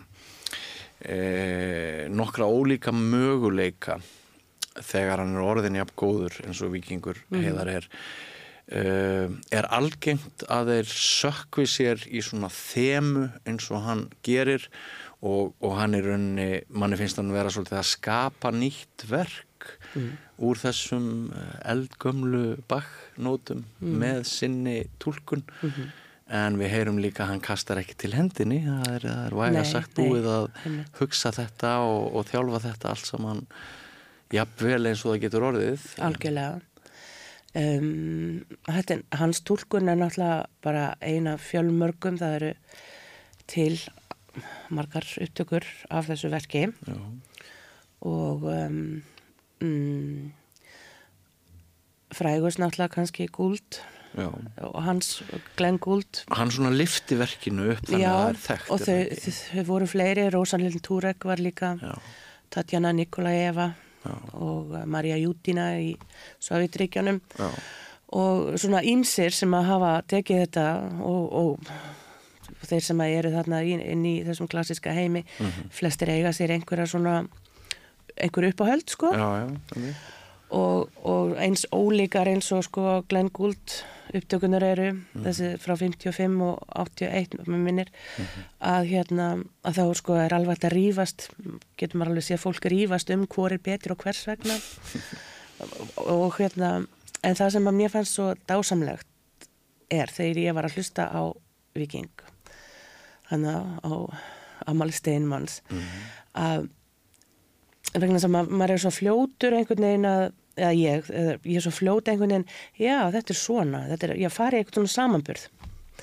Að ég dætt einhvern veginn alveg ég, ég bara, þú veist, ég fór ekki þangað. Nei. ég fór bara einhvern veginn, ég hugsaði bara já, svona á þetta að vera. Já, það, það, ég, veistu það, ég bara, það er svo sjaldan sem þetta gerist að ég einhvern veginn mér fannst all, öll tempóin sem hann valdi, tempóin á aríunni tempó og meiri segja að sumir voru að tala um að s- sum tempó hefur verið allt og röði og bara uss, hætti þessu, þetta átti að vera svona þetta á að vera svona en ég þetta á þetta ekkert að vera svona bara, en, en þetta finnst mér alveg algjör hápunktur á Goldberg sem ég hef heyrt, er það ekki? verð ég að segja já, segi það bara reynd út klárt hér Hvað segir þið? Er hann á toppi 10 eða 100 eða 5 í heiminum?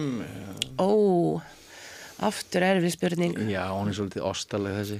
Þessi er svolítið, þessi er svolítið erfið. Ef við, sko, voru, já, þetta er svo, þetta er svo smekksbundið, sko.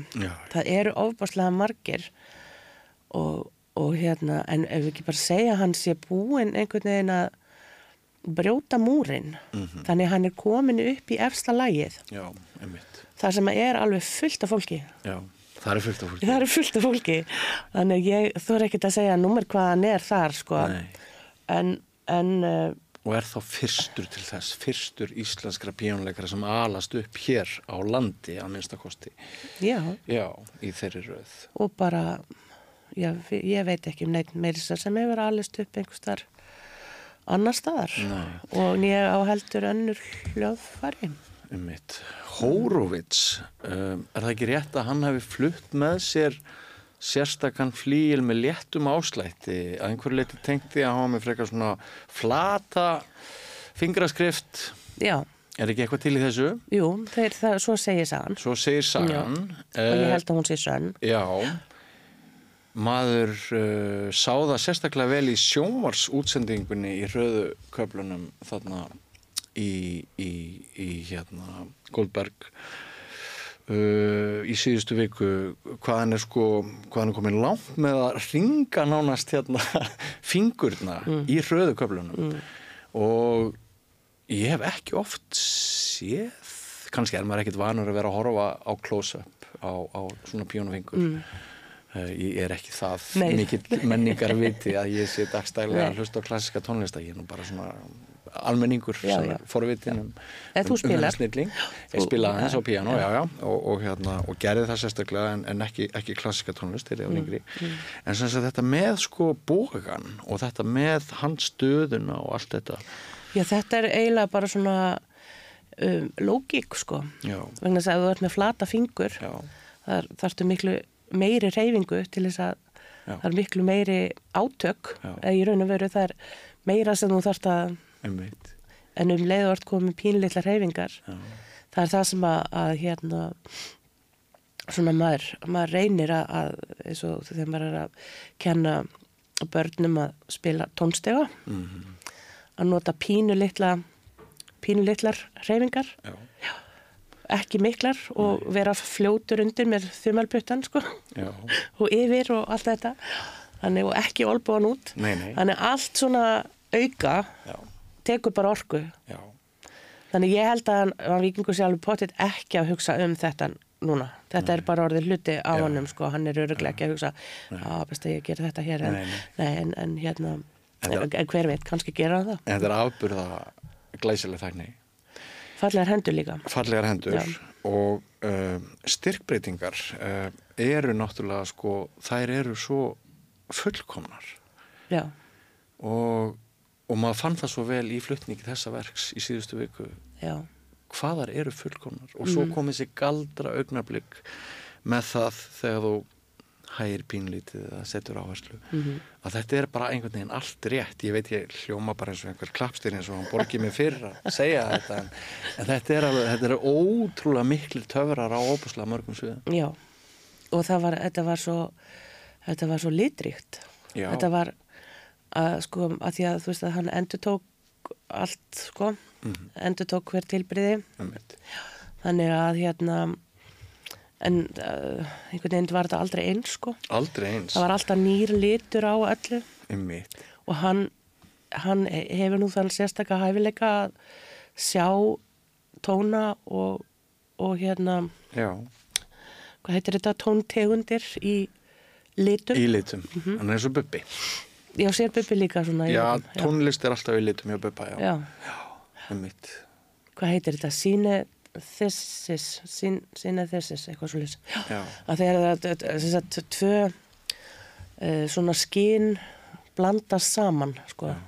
einmitt. Þetta getur líka verið sko bragðskinn ef þú horfir á eitthvað orð Einmitt. þá farið eitthvað ákveði bragð upp í þig. Já, akkurat.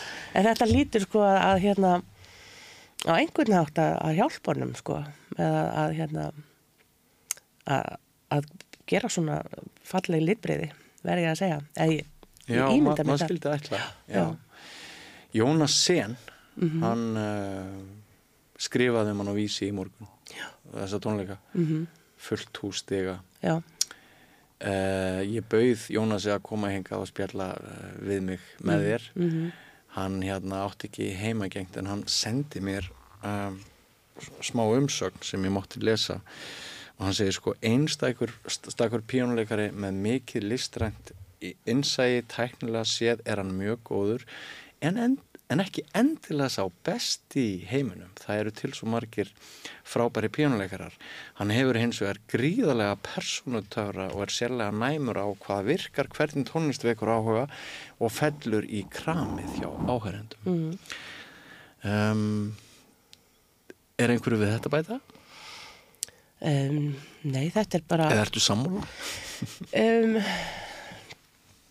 Já, nokkurn veginn sko. en ég er ekkert en, ég er ekkert endilega að hugsa uh, ég held ekkert endilega að vikingur sé að hugsa um hvað falli í kramið. Um, ég held ekki sko. Nei, ég held hann sé ekki að, að gæðjast neinum nema sjálfum sér sko. Hann, hann er ekki þannig karakter að hann fær eitthvað að búa til eitthvað bara að því það fellir í kramið. Nei, hann gerir það fyrir eitthvað þannig. Já. Hann útbýr það þannig. Hann býr til nýtt já, kram já, Er það ekki? jú, það er svolítið þannig og hann hefur verið að búa til svona konsept sem hafa virkað mjög vel svona eins og til dæmis þetta Debussy Ramó mm, diskurinn sem hann gaf út. Já, það ekki mörgum dotti í huga pota þeim saman á diski sko. Nei og sérðu margt líkt með Philip Glass og, og, og Goldberg eh, hérna tilbreyðanum Nei, ekki beint svona en það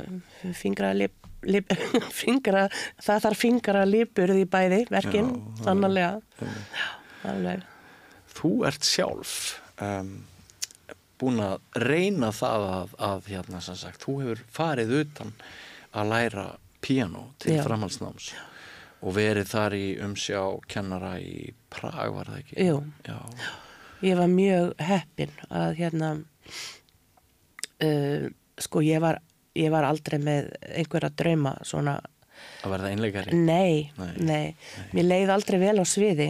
Nei. mér fannst þetta alltaf svolítið kvöð. Já, en mér langaði hins vegar til þess að læra meira á píano, mér langaði að spila fleiri verk. Já, og mér langaði einhvern veginn að sjá hvort ég hefði þetta í mér að um, svona geta æft mig. Já, bara, vera bara að æfa mig. Já, og, og hérna en ég, ég var aldrei með einhverja svona svaka drauma um að spila í Carnegie Hall, sko. Það, hérna, það var bara, þú veist, í einhverjum dagdraumum, sko, en ég, það var aldrei neitt raunverulegt. En hérna, en ég var mjög heppin og, og ég komst þarna til kennara sem var, tók mig í enga tíma og, og leiði mér síðan að fylgja sínum hópi, hann var prófessor í- við akademíuna. Mhm. að því hann fast í eitthvað svo einn hana. Þannig að ég var í fekk að sækja píanotíma í svona ný uppgerða höll sem að er eiginlega alveg já, og þar inni voru tveir stórir stænvæflíklar hann satt við annan og ég við hinn og, og hérna já þetta var stórkoslegt ævintýri og eitthvað hef ég nú getað eitthvað smá því að hann, því ég spurði hann sko hvort hann væri til í að taka mig annað ár þá saði hann ekki nei, nei, hann saði já. Já. Og þarna hefur kynst sko krökkum sem vakna fimm á mótnana til að hafa sig. Já. Og bara til að ná svona herbergi sko.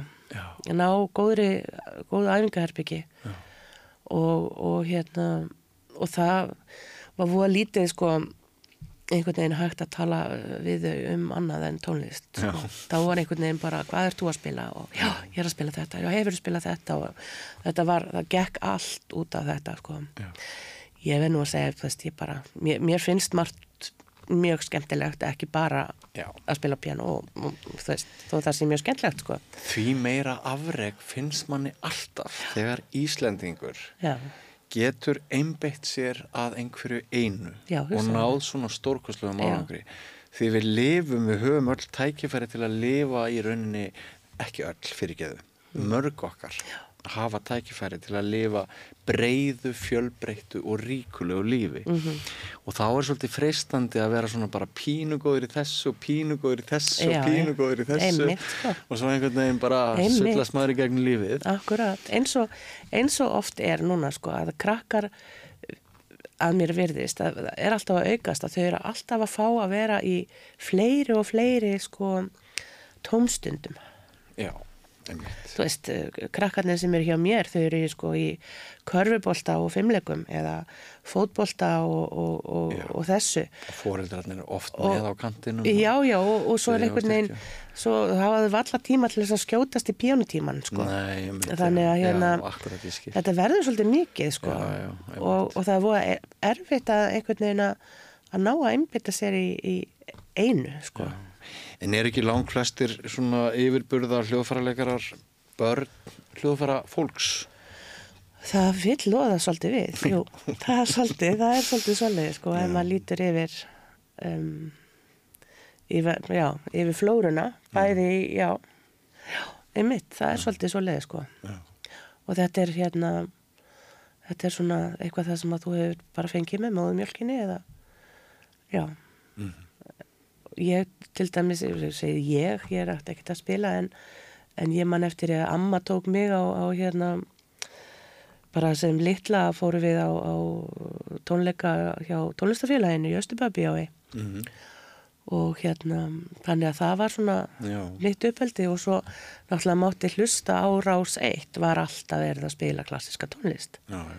það var náttúrulega engin engin sípilja þar þá. Nei, nei. Ég held að ráseitt hafi bara skipt sköpum fyrir mig. Ég var hérna krakki í Mývasveitinni og, og ég held bara að uh, já, ég held að rás eitt bara líf mitt hefði orðið allt öðru vísi Mm.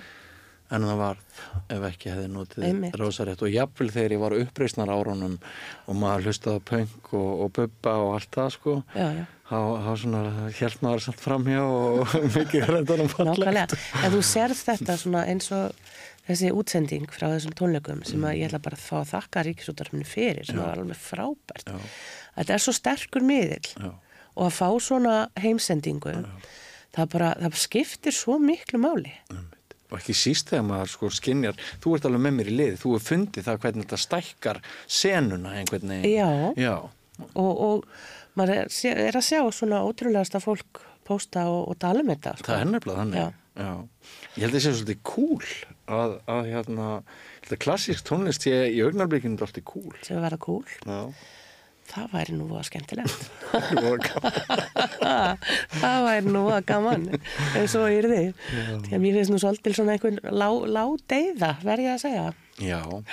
Ég, að minnst þú kosti umfjöllun Já. Það er engin láteiða á tónleikum nei. það eru tónleikar að stuði upp á hver dag sem maður getur farið á Já, já. Ég ætla nú líka bara að segja það frá einn brjósti að eins og með idolkernina á stöðu 2 já, Mér syndist að vera 90% umbúðir sko og 10% hérna tónlistarkefni. Mér Já. bara búningarnir útlitið, þú veist allt þetta. já, Ja, það er bara mín skoðun. Ég, ég er gammal maður úr sveitin. Ég, já, já, ég, má, einmitt má sko. halda henni frá. einmitt, svo tölum ekkert um hína kærna heldur Ég reyndar misti af, af já, henni. mista það enn líka Já, en manni hefur fundist hún sigla svolítið í svipað átt. það er svolítið svolítið Já, og þess vegna er maður svo gladur yfir því að eitthvað sem við getum talað um kjarna í Já. lífinu, eitthvað sem snertir okkur djúft og Einmitt. inni og fær okkur til þess að hugsa öðruvísi. akkurat, Já. akkurat Því að þannig var einsla mín að því að hlusta á vikingaðar síðustu viku. já, og hugsaði, svo er þetta bara svona upphafið sko, Svo er þetta eiginlega. upphafið. 40 ári viðbót fáum við. stórkostlegt. 40 ár af þessu í viðbót Við vonum það. að heldur betur Og mjög gott hjá þér að draga fram hérna það að þetta eru þau hjónin sem, sem eru já, því að það, það skiptir máli að, að, hérna, saman í þessu. Að, það, það er svo einmannlegt að vera einn eitthvað, það er svo erfitt. Um svo erfitt að fá hugmynd og hugsa alltaf sé góð hugmynd. Ha, Ardís, ég er búin að hlusta á röddinu þína í meira en 25 ára en þetta er fyrst skipti sem ég hitti þig. Já. Þakka þið kella fyrir að koma hérna í beina útsendingu á samstöðina já, takk fyrir mig. Og uh, bara við segjum áfram vikingur og, og höldum áfram að fylgjast með honum.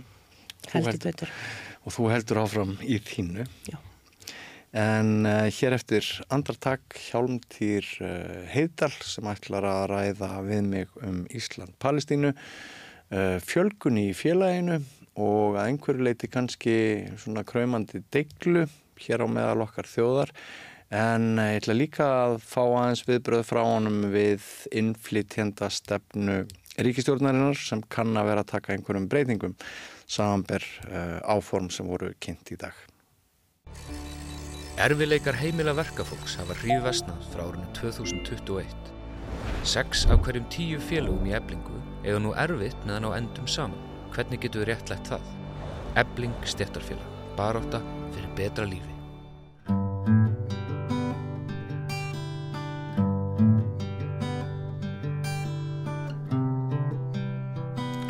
Sælaftur, um, við erum uh, alla daga að velta fyrir okkur hryllingnum á Gaza og við getum rætt um píjánuleik eða eitthvað annað en ég held að þetta hverfi aldrei alveg úr huga flestra okkar þetta ástand sem er óþúlandi.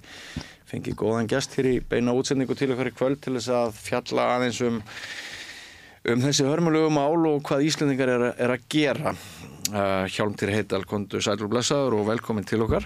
Takk, takk. Þú, vei, þú veitir uh, félaginu Ísland-Palestína forstöðu, má ekki Jú, jú, það? ég er formaður. Þú ert formaður. Og um, þar á bæ hefur verið nokkur uppgangur, er það ekki núna? Jú, það má náttúrulega segja að kom ekki beint á góðu Nei, það kemur ekki til að góða. en uh, eftir að þessi ræðbyrju byrjuði þarna 7. oktober Já, þá uh, fór félagið uh, strax af stað með uh, sest, aðgerðir, já, göngur og fundi og tónleika og kertafleitingu og, og mótmæli bæði við ráðverðarbústaði við bandarsk sendiráði við þing, þingið og, og það er alveg fjöl, það er fjölmarga göngur búin að vera Einmitt. Og það er fjölga skart í félaginu Já. það er komið upp í 1400, rúmlega 1400 manns Já, og í gær settum við í loftið nýja heimasíðu sem hefur verið leið í láginni síðan 2017 Já. og það bara gerðist um leið og hún komst í loftið að það er komið bara 23 nýjir félagar sem skráðu sig já.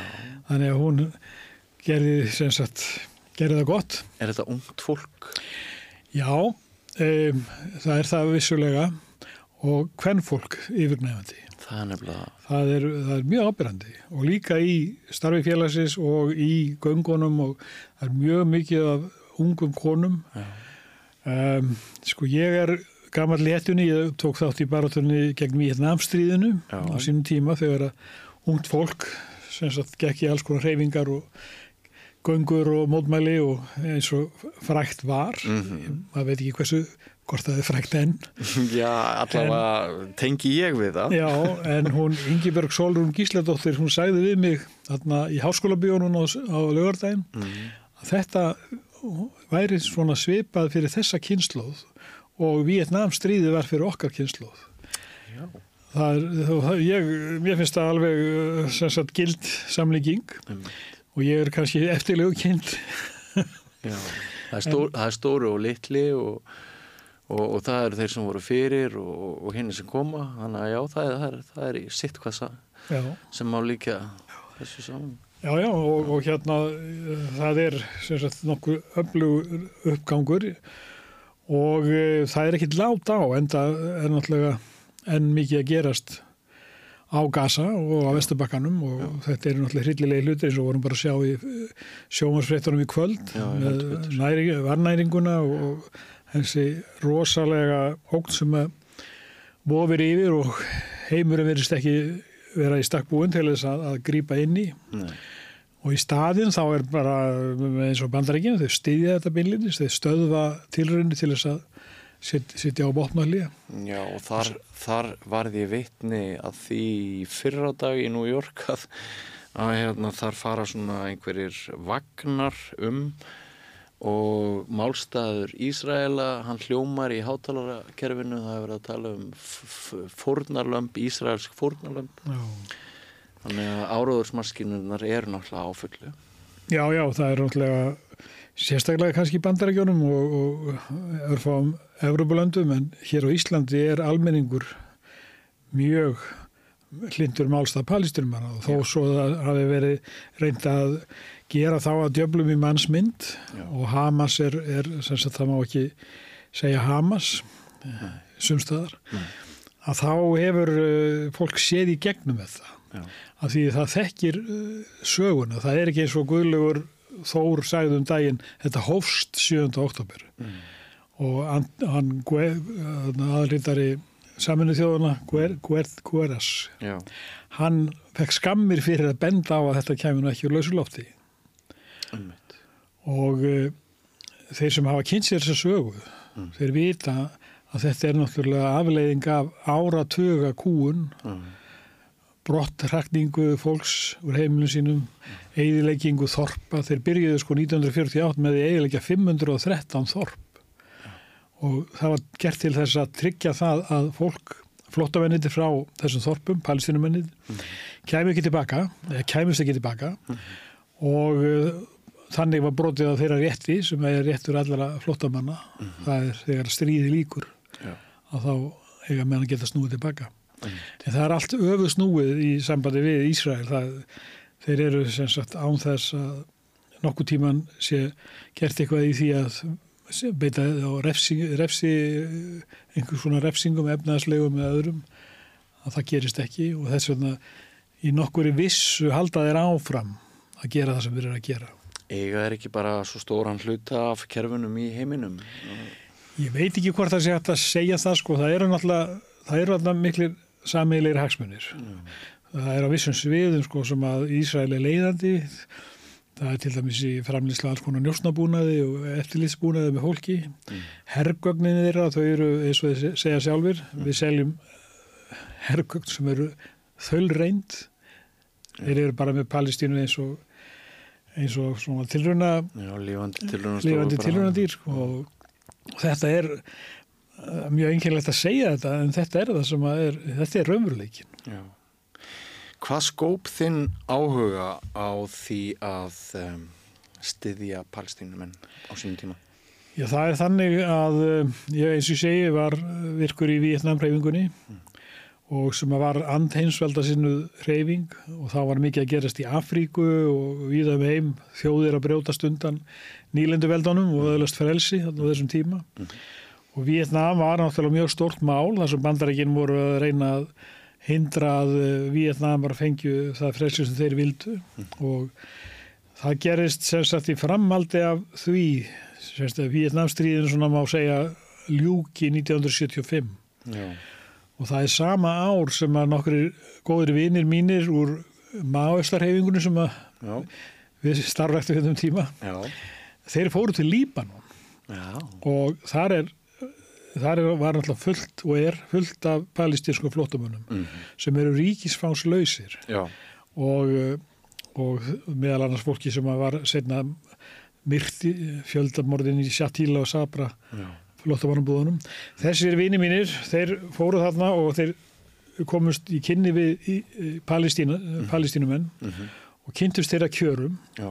og þeir komu hingað heim með fullt af upplýsingum og efni til þess að, að kynna þennan málstað og ég hjálpaði þeim við að útbúa blað sem hétt Palestína Já. og ég er sérst mentaður auglýsingateiknari og vanur að brjóta um blöð og svona Um. þannig að ég notaði þá þekkingu mína Já.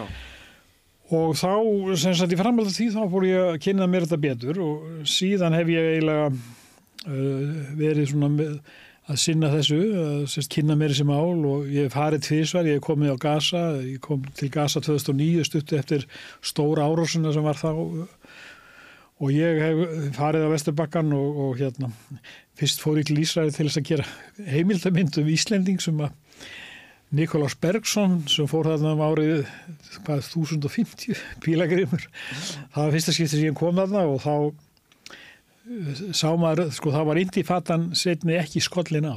Nei. við erum þetta rétt áður. Já. það hefði náttúrulega breytt miklu ef við hefðum komið þá. En þarna var- virkaði allt voðalega eðlilegt þó að maður sæði allir þessa hermenn og allt það. Þá, þá var svona tiltölulega rólegt ástand. Um, og ég uh, held bara áfram að kynna mér þessi mál og ég gekk uh, í félagið og, og ég var í stjórnveits lengi og svo hérna ákvaði ég að gera heimildavind um þessi mál og þátt Íslendinga því að margir Íslendinga voru mjög ánæður með okkar þátti að koma Ísrael á koppin sjálfstæðarflokkurinn sem sagt að því að Tór Tórs bróður Ólafs Tórs sem var einn helsti maður þeirra. Já. Að hann var aðal sendi fulltrú í Íslands í saminu þjóðunum hann leik ákveði hlutverk Já. Já. og við stækkuðum það hlutverk hérna þegar var verið að segja frá því semst. Já. og ég fór og, á stúana og ætlaði að gera þessa kvikmynd og reyndi í sex ára fjármagnana Já. en það var ekki hlaupið af því sko vegna þess að þetta var eitthvað efni sem að já, ég myndi segja að kvikmyndasjóður að ekki þeim að ekki hugnast að að setja peningi í þetta Ertu að segja að pólitíkin nái alveg þangað? Ég er ekki að segja neitt. Ég er bara að segja það að svona fór það. Og e, þá ákvaði ég bara að skrifa bók. Já. og ég skrifaði bók sem kom út 2019 hún heitir Íslands stræti í Jérúsalem og þar sagt er ég að rekja forsöguna, ég segi frá síónismannum, ég rek uh, tilur Ísraels, stríðið þetta 47-49 og hvernig þetta var framkvæmt hjá saminuð þjóðunum, alls er að þingi braud alla reglur saminuð þjóðana og með því að hafa mikið bagtaldamakk og, og snúið upp á hendur og fólki og ríkjum hótað. Þannig höfðu bandarækjum þetta í gegn að þeir náðu til til ætluðum árangri sem var sem sagt að fá held ég tvo þriðið atkvæða Já. og það var gert með alls konar að, ógnalegum hótunum og, og sem sagt bagtjaldamakki og, og þetta er Íslinga tóku náttúrulega þátt í þessu vegna þess að þeir trúðu öllum, öllum bullin um síónismann Já. þeir trúðu að þarna væri gíðingarnir að fara heim Já. og þeir vissi ekki að palestinum væru til, virðist vera. Nei, Það er ekki fyrir kringu 1980 eitthvað sem Íslingar fatta það já, að þarna var eitthvað fólk, einhverju frumbyggjar fyrir. Akkurat. Þetta er mjög áhugavert. Mjög merkileg saga og ég skrifa þessa bók og, og, og alveg fram á daginn í dag. Einmitt. Og, og svo er hún komin út á ennsku og, og ég, núna eftir 7. oktober þá bætti ég aðeins við hana. Og þannig að hún er sagt, eh, nokkuð ítalegri ennska útgáðan, heldur íslenska. Já, einmitt. Ég bara óskaði til hamingi með, með þetta. Þetta er mjög mikilvægt að, að þessari sögu sé haldið til haga. En nú í dag þá um, um, reyndi ríkistjórnin að telja Íslendingum trúum að hún væri samstíga í, í nýri innflytjandastefnu, maður getur sagt sem svo, Mhm. en maður þarf ekki bara að sjá viðtölun við ráðherrana að, að það er hérna það má ætla að hlæms vinstrigrænir hafi að einhverju leiti orðið undir með að við þeirra málflutning að minnskosti fyrir Já. kostningar alla jafna Já, hver er hérna svona þín sín á, á þessi tíðindi sem hafa byrst okkur, Já, byrst það- okkur í dag já, það er, það er heilmikill fagurgali í kringum þetta. já, Það er svona ímis markmið sem eiga að bæta ástandið og, og hérna það er náttúrulega aldrei svona að vinstri grænir hafi fengið miskusti umbúðunar að, að við sjáum umbúðunar já, en ég held að hún Guðrún Hafsteinsdóttir hafi nú aðeins sínt okkur innihaldið. Já, af því að hún eh, til dæmis segir beint út að við minnir að þessi 37. greinin þarna í, í lögunum sem að verði felt nýður það þrengir mjög um, möguleika fólk sem hefur tengslu í Ísland já, og síðan á að, að uh, breyta lögunum um, um fjölskyldu aðlögun, fjölskyldu samminningu segir já, og það er svona eitt og annað sko sem að ég held að, að, að hið yfirlýsta markmið sem eh, kemur þarna frá Guðrúnu og sjálfsagt fleirum að þetta sé gert til þess að fækka möguleikum flóttafólks og hælisleitenda já. hér á Íslandi. Já, það er verið að loka dyrum á hælis leitendur Já, en kvóta flótta fólk uh, Já. að það verði Jú, ráð, jú. ráðandi það er náttúrulega sko við höfum náttúrulega tekið inn að með löngum millibil við tókum Ungverina 1956 Vietnamanir 79 og uh, uh, þannig að það er svona, jú, jú, það er, það er ágæðis mál að, að taka fólki sem er illa statt eins og, og palestínu fólki sem var 2008 var sótt hann í Eðimörkina palestínskar mæður með eitthvað 20 börn sem að fóru upp á Akranes. Það, var, það er mjög gott framtak. Já, En um, sko núna, það, það er tvent í þessu, sko, annars er verið að þrengja lögin og það er talað um að spara peninga. En þetta svo, er líka, svo að nota peningin sem sparast í að auka á inngildingu nýju gestana, segja þau. já, já, Já, en þe- þetta er líka, þetta er líka, það er verið að spila þarna á e, fordóma, það er verið að e, segja, við erum að e, beita meiri hörku. Og það er eins og Bjarni Ben þegar hann byrjaði hérna með tjálbúa umælin, það er þessi, e, vettva, eða þessi, e, já hvað ég að segja, kjósindahópur sem að er e, kannski mest fordómum hlaðinn og tjáir sig hvað verst á, á þessum samfélagsmiðlum. Það er fólk sem er fordóm, fordómafullt og það er mikið rasíska tendensa. En svo er það líka annað að það er úrskup eðlilegt að fólk sé hrætt þegar að miklar þjóðfélagsbreytingar er að gerast. já, já, Og það er bóðalega auðvelt að hræra í hrættu fólki. já, já, Og við sjáum það til þess með Sigmund Davíð já, og það sem að sjálfstæðsflokkurinn er líka að gera. já, já. Það er verið að reyna að vinna einhverja, einhver stig með því að ekki að fræða fólk og reyna að halda hlutunum svona daldi sönsuðum heldur að þess vegna frekar að ala á óta og fordómum Já. Og það er til dæmis eins og hann gerði hann hérna Pál Magnússon í Vestmannum hann alhæfir, hann, það er saman við einhverja palestínumenn sem að voru í nývabarða og síðan er til dæmis eh, eitt professor í háskólanu sem skrifaði grein í, í hérna morgunblæðið um helgina. Þar er, hún er mjög rasísk. Það, það, það, sko, það er rauninni sagt um fólk frá á, ákveðnu löndum. Mhm. Að því sé ekki þreistandi það sé hættulegt. Já, já, og uh, nú er líka að tala um að hinga flotta fólki sem er með land, fjölskyldusaminningar samþýttirnar og er inn á gasa Já. af hverju eigum við verið að hleypa þeim inn? Að það geta verið einhverja hamasliðar nú ég held að þetta er svona aðlega börn og konur og eldra fólk. Já.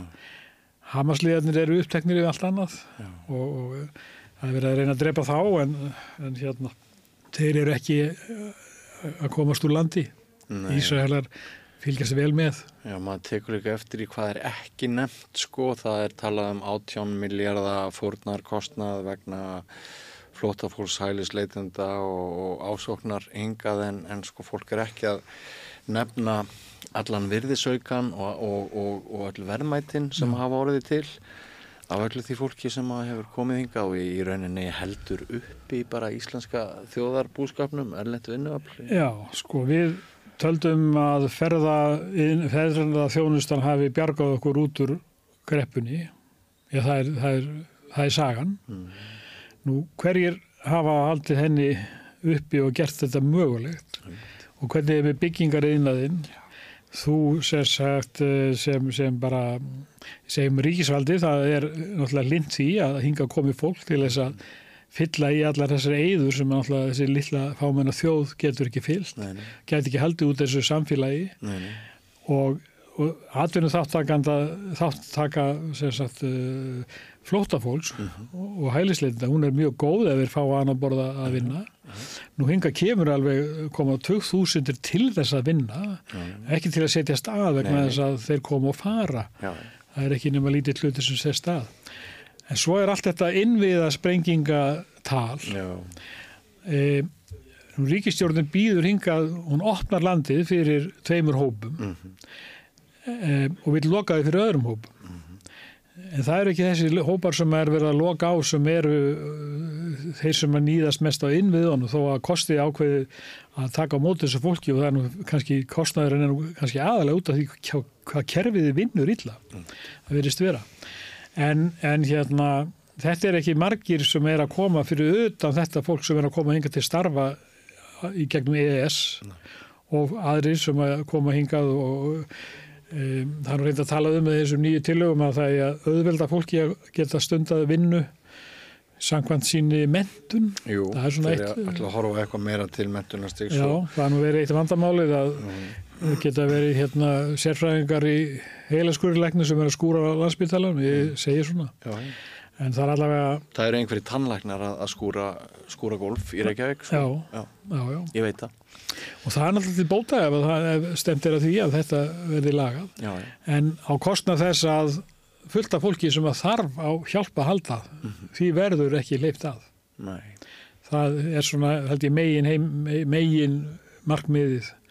Og þá er þau eins og ég sagði áðan þau er að gera vissum hópum í þjóðfélaginu í að því að gera þau sem sagt jákvæðari gagvart sínum flokki.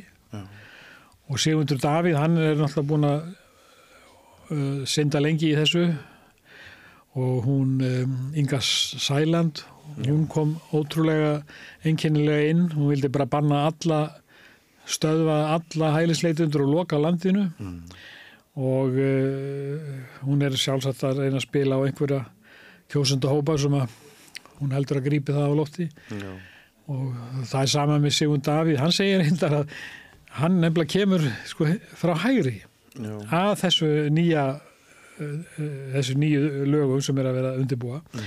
Hann segir þetta er allt vafki þetta er draumalisti er bara hann horfður þá bara á þessar umbúði sem við fáum sjá sem verður alltaf sömuleiti bara ágættar En svo er hann kannski líka bara klókur eins og þegar sjálfstæðismenn er alltaf að hamast í fréttastofu stofu rúf og telja hana svo vinstri sinna. Já, þegar mjög margir átt að segja á því að ef hún er í einhverja átt þá er hún ekkert síður til hægri en vinstri. Nei, nei. Þannig að þú heldur því á lofti að eitthvað sé alveg ömulegt og þú spyrðir það við eitthvað eitt sko, Já. bara í áróðurskinni, þá ertu kannski bara að ná ávinningi inn. Já, já, mér sýnist nú að hann getur vel unnað við þessar síðustu skoðanakannanir Heldur og, og þess vegna mun hann ekkert slá af í þessu.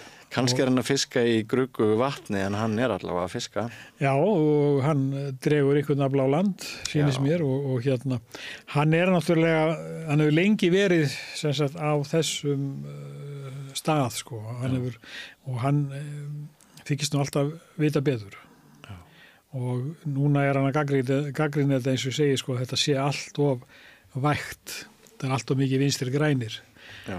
En um, ég, uh, sko, maður getur alltaf kannski ekki sagt móðalega mikið um þessar reglur eða þessar nýju hugmyndir nema að maður getur sagt kannski þetta hefði átt að koma fyrir mörgum árum svona einhver meiri skinnsem í þessi mál. Það er alltaf, Íslendingar eru aldrei í því að Íslensk stjórnvöld þau eru að bregðast við ástandi. Það er. Það er svona ákveðin framtíðasín sem verist ekki Hér gerist margt á tilviljun og, og svo þurfum við Já. veginn að bara skúra eftir það.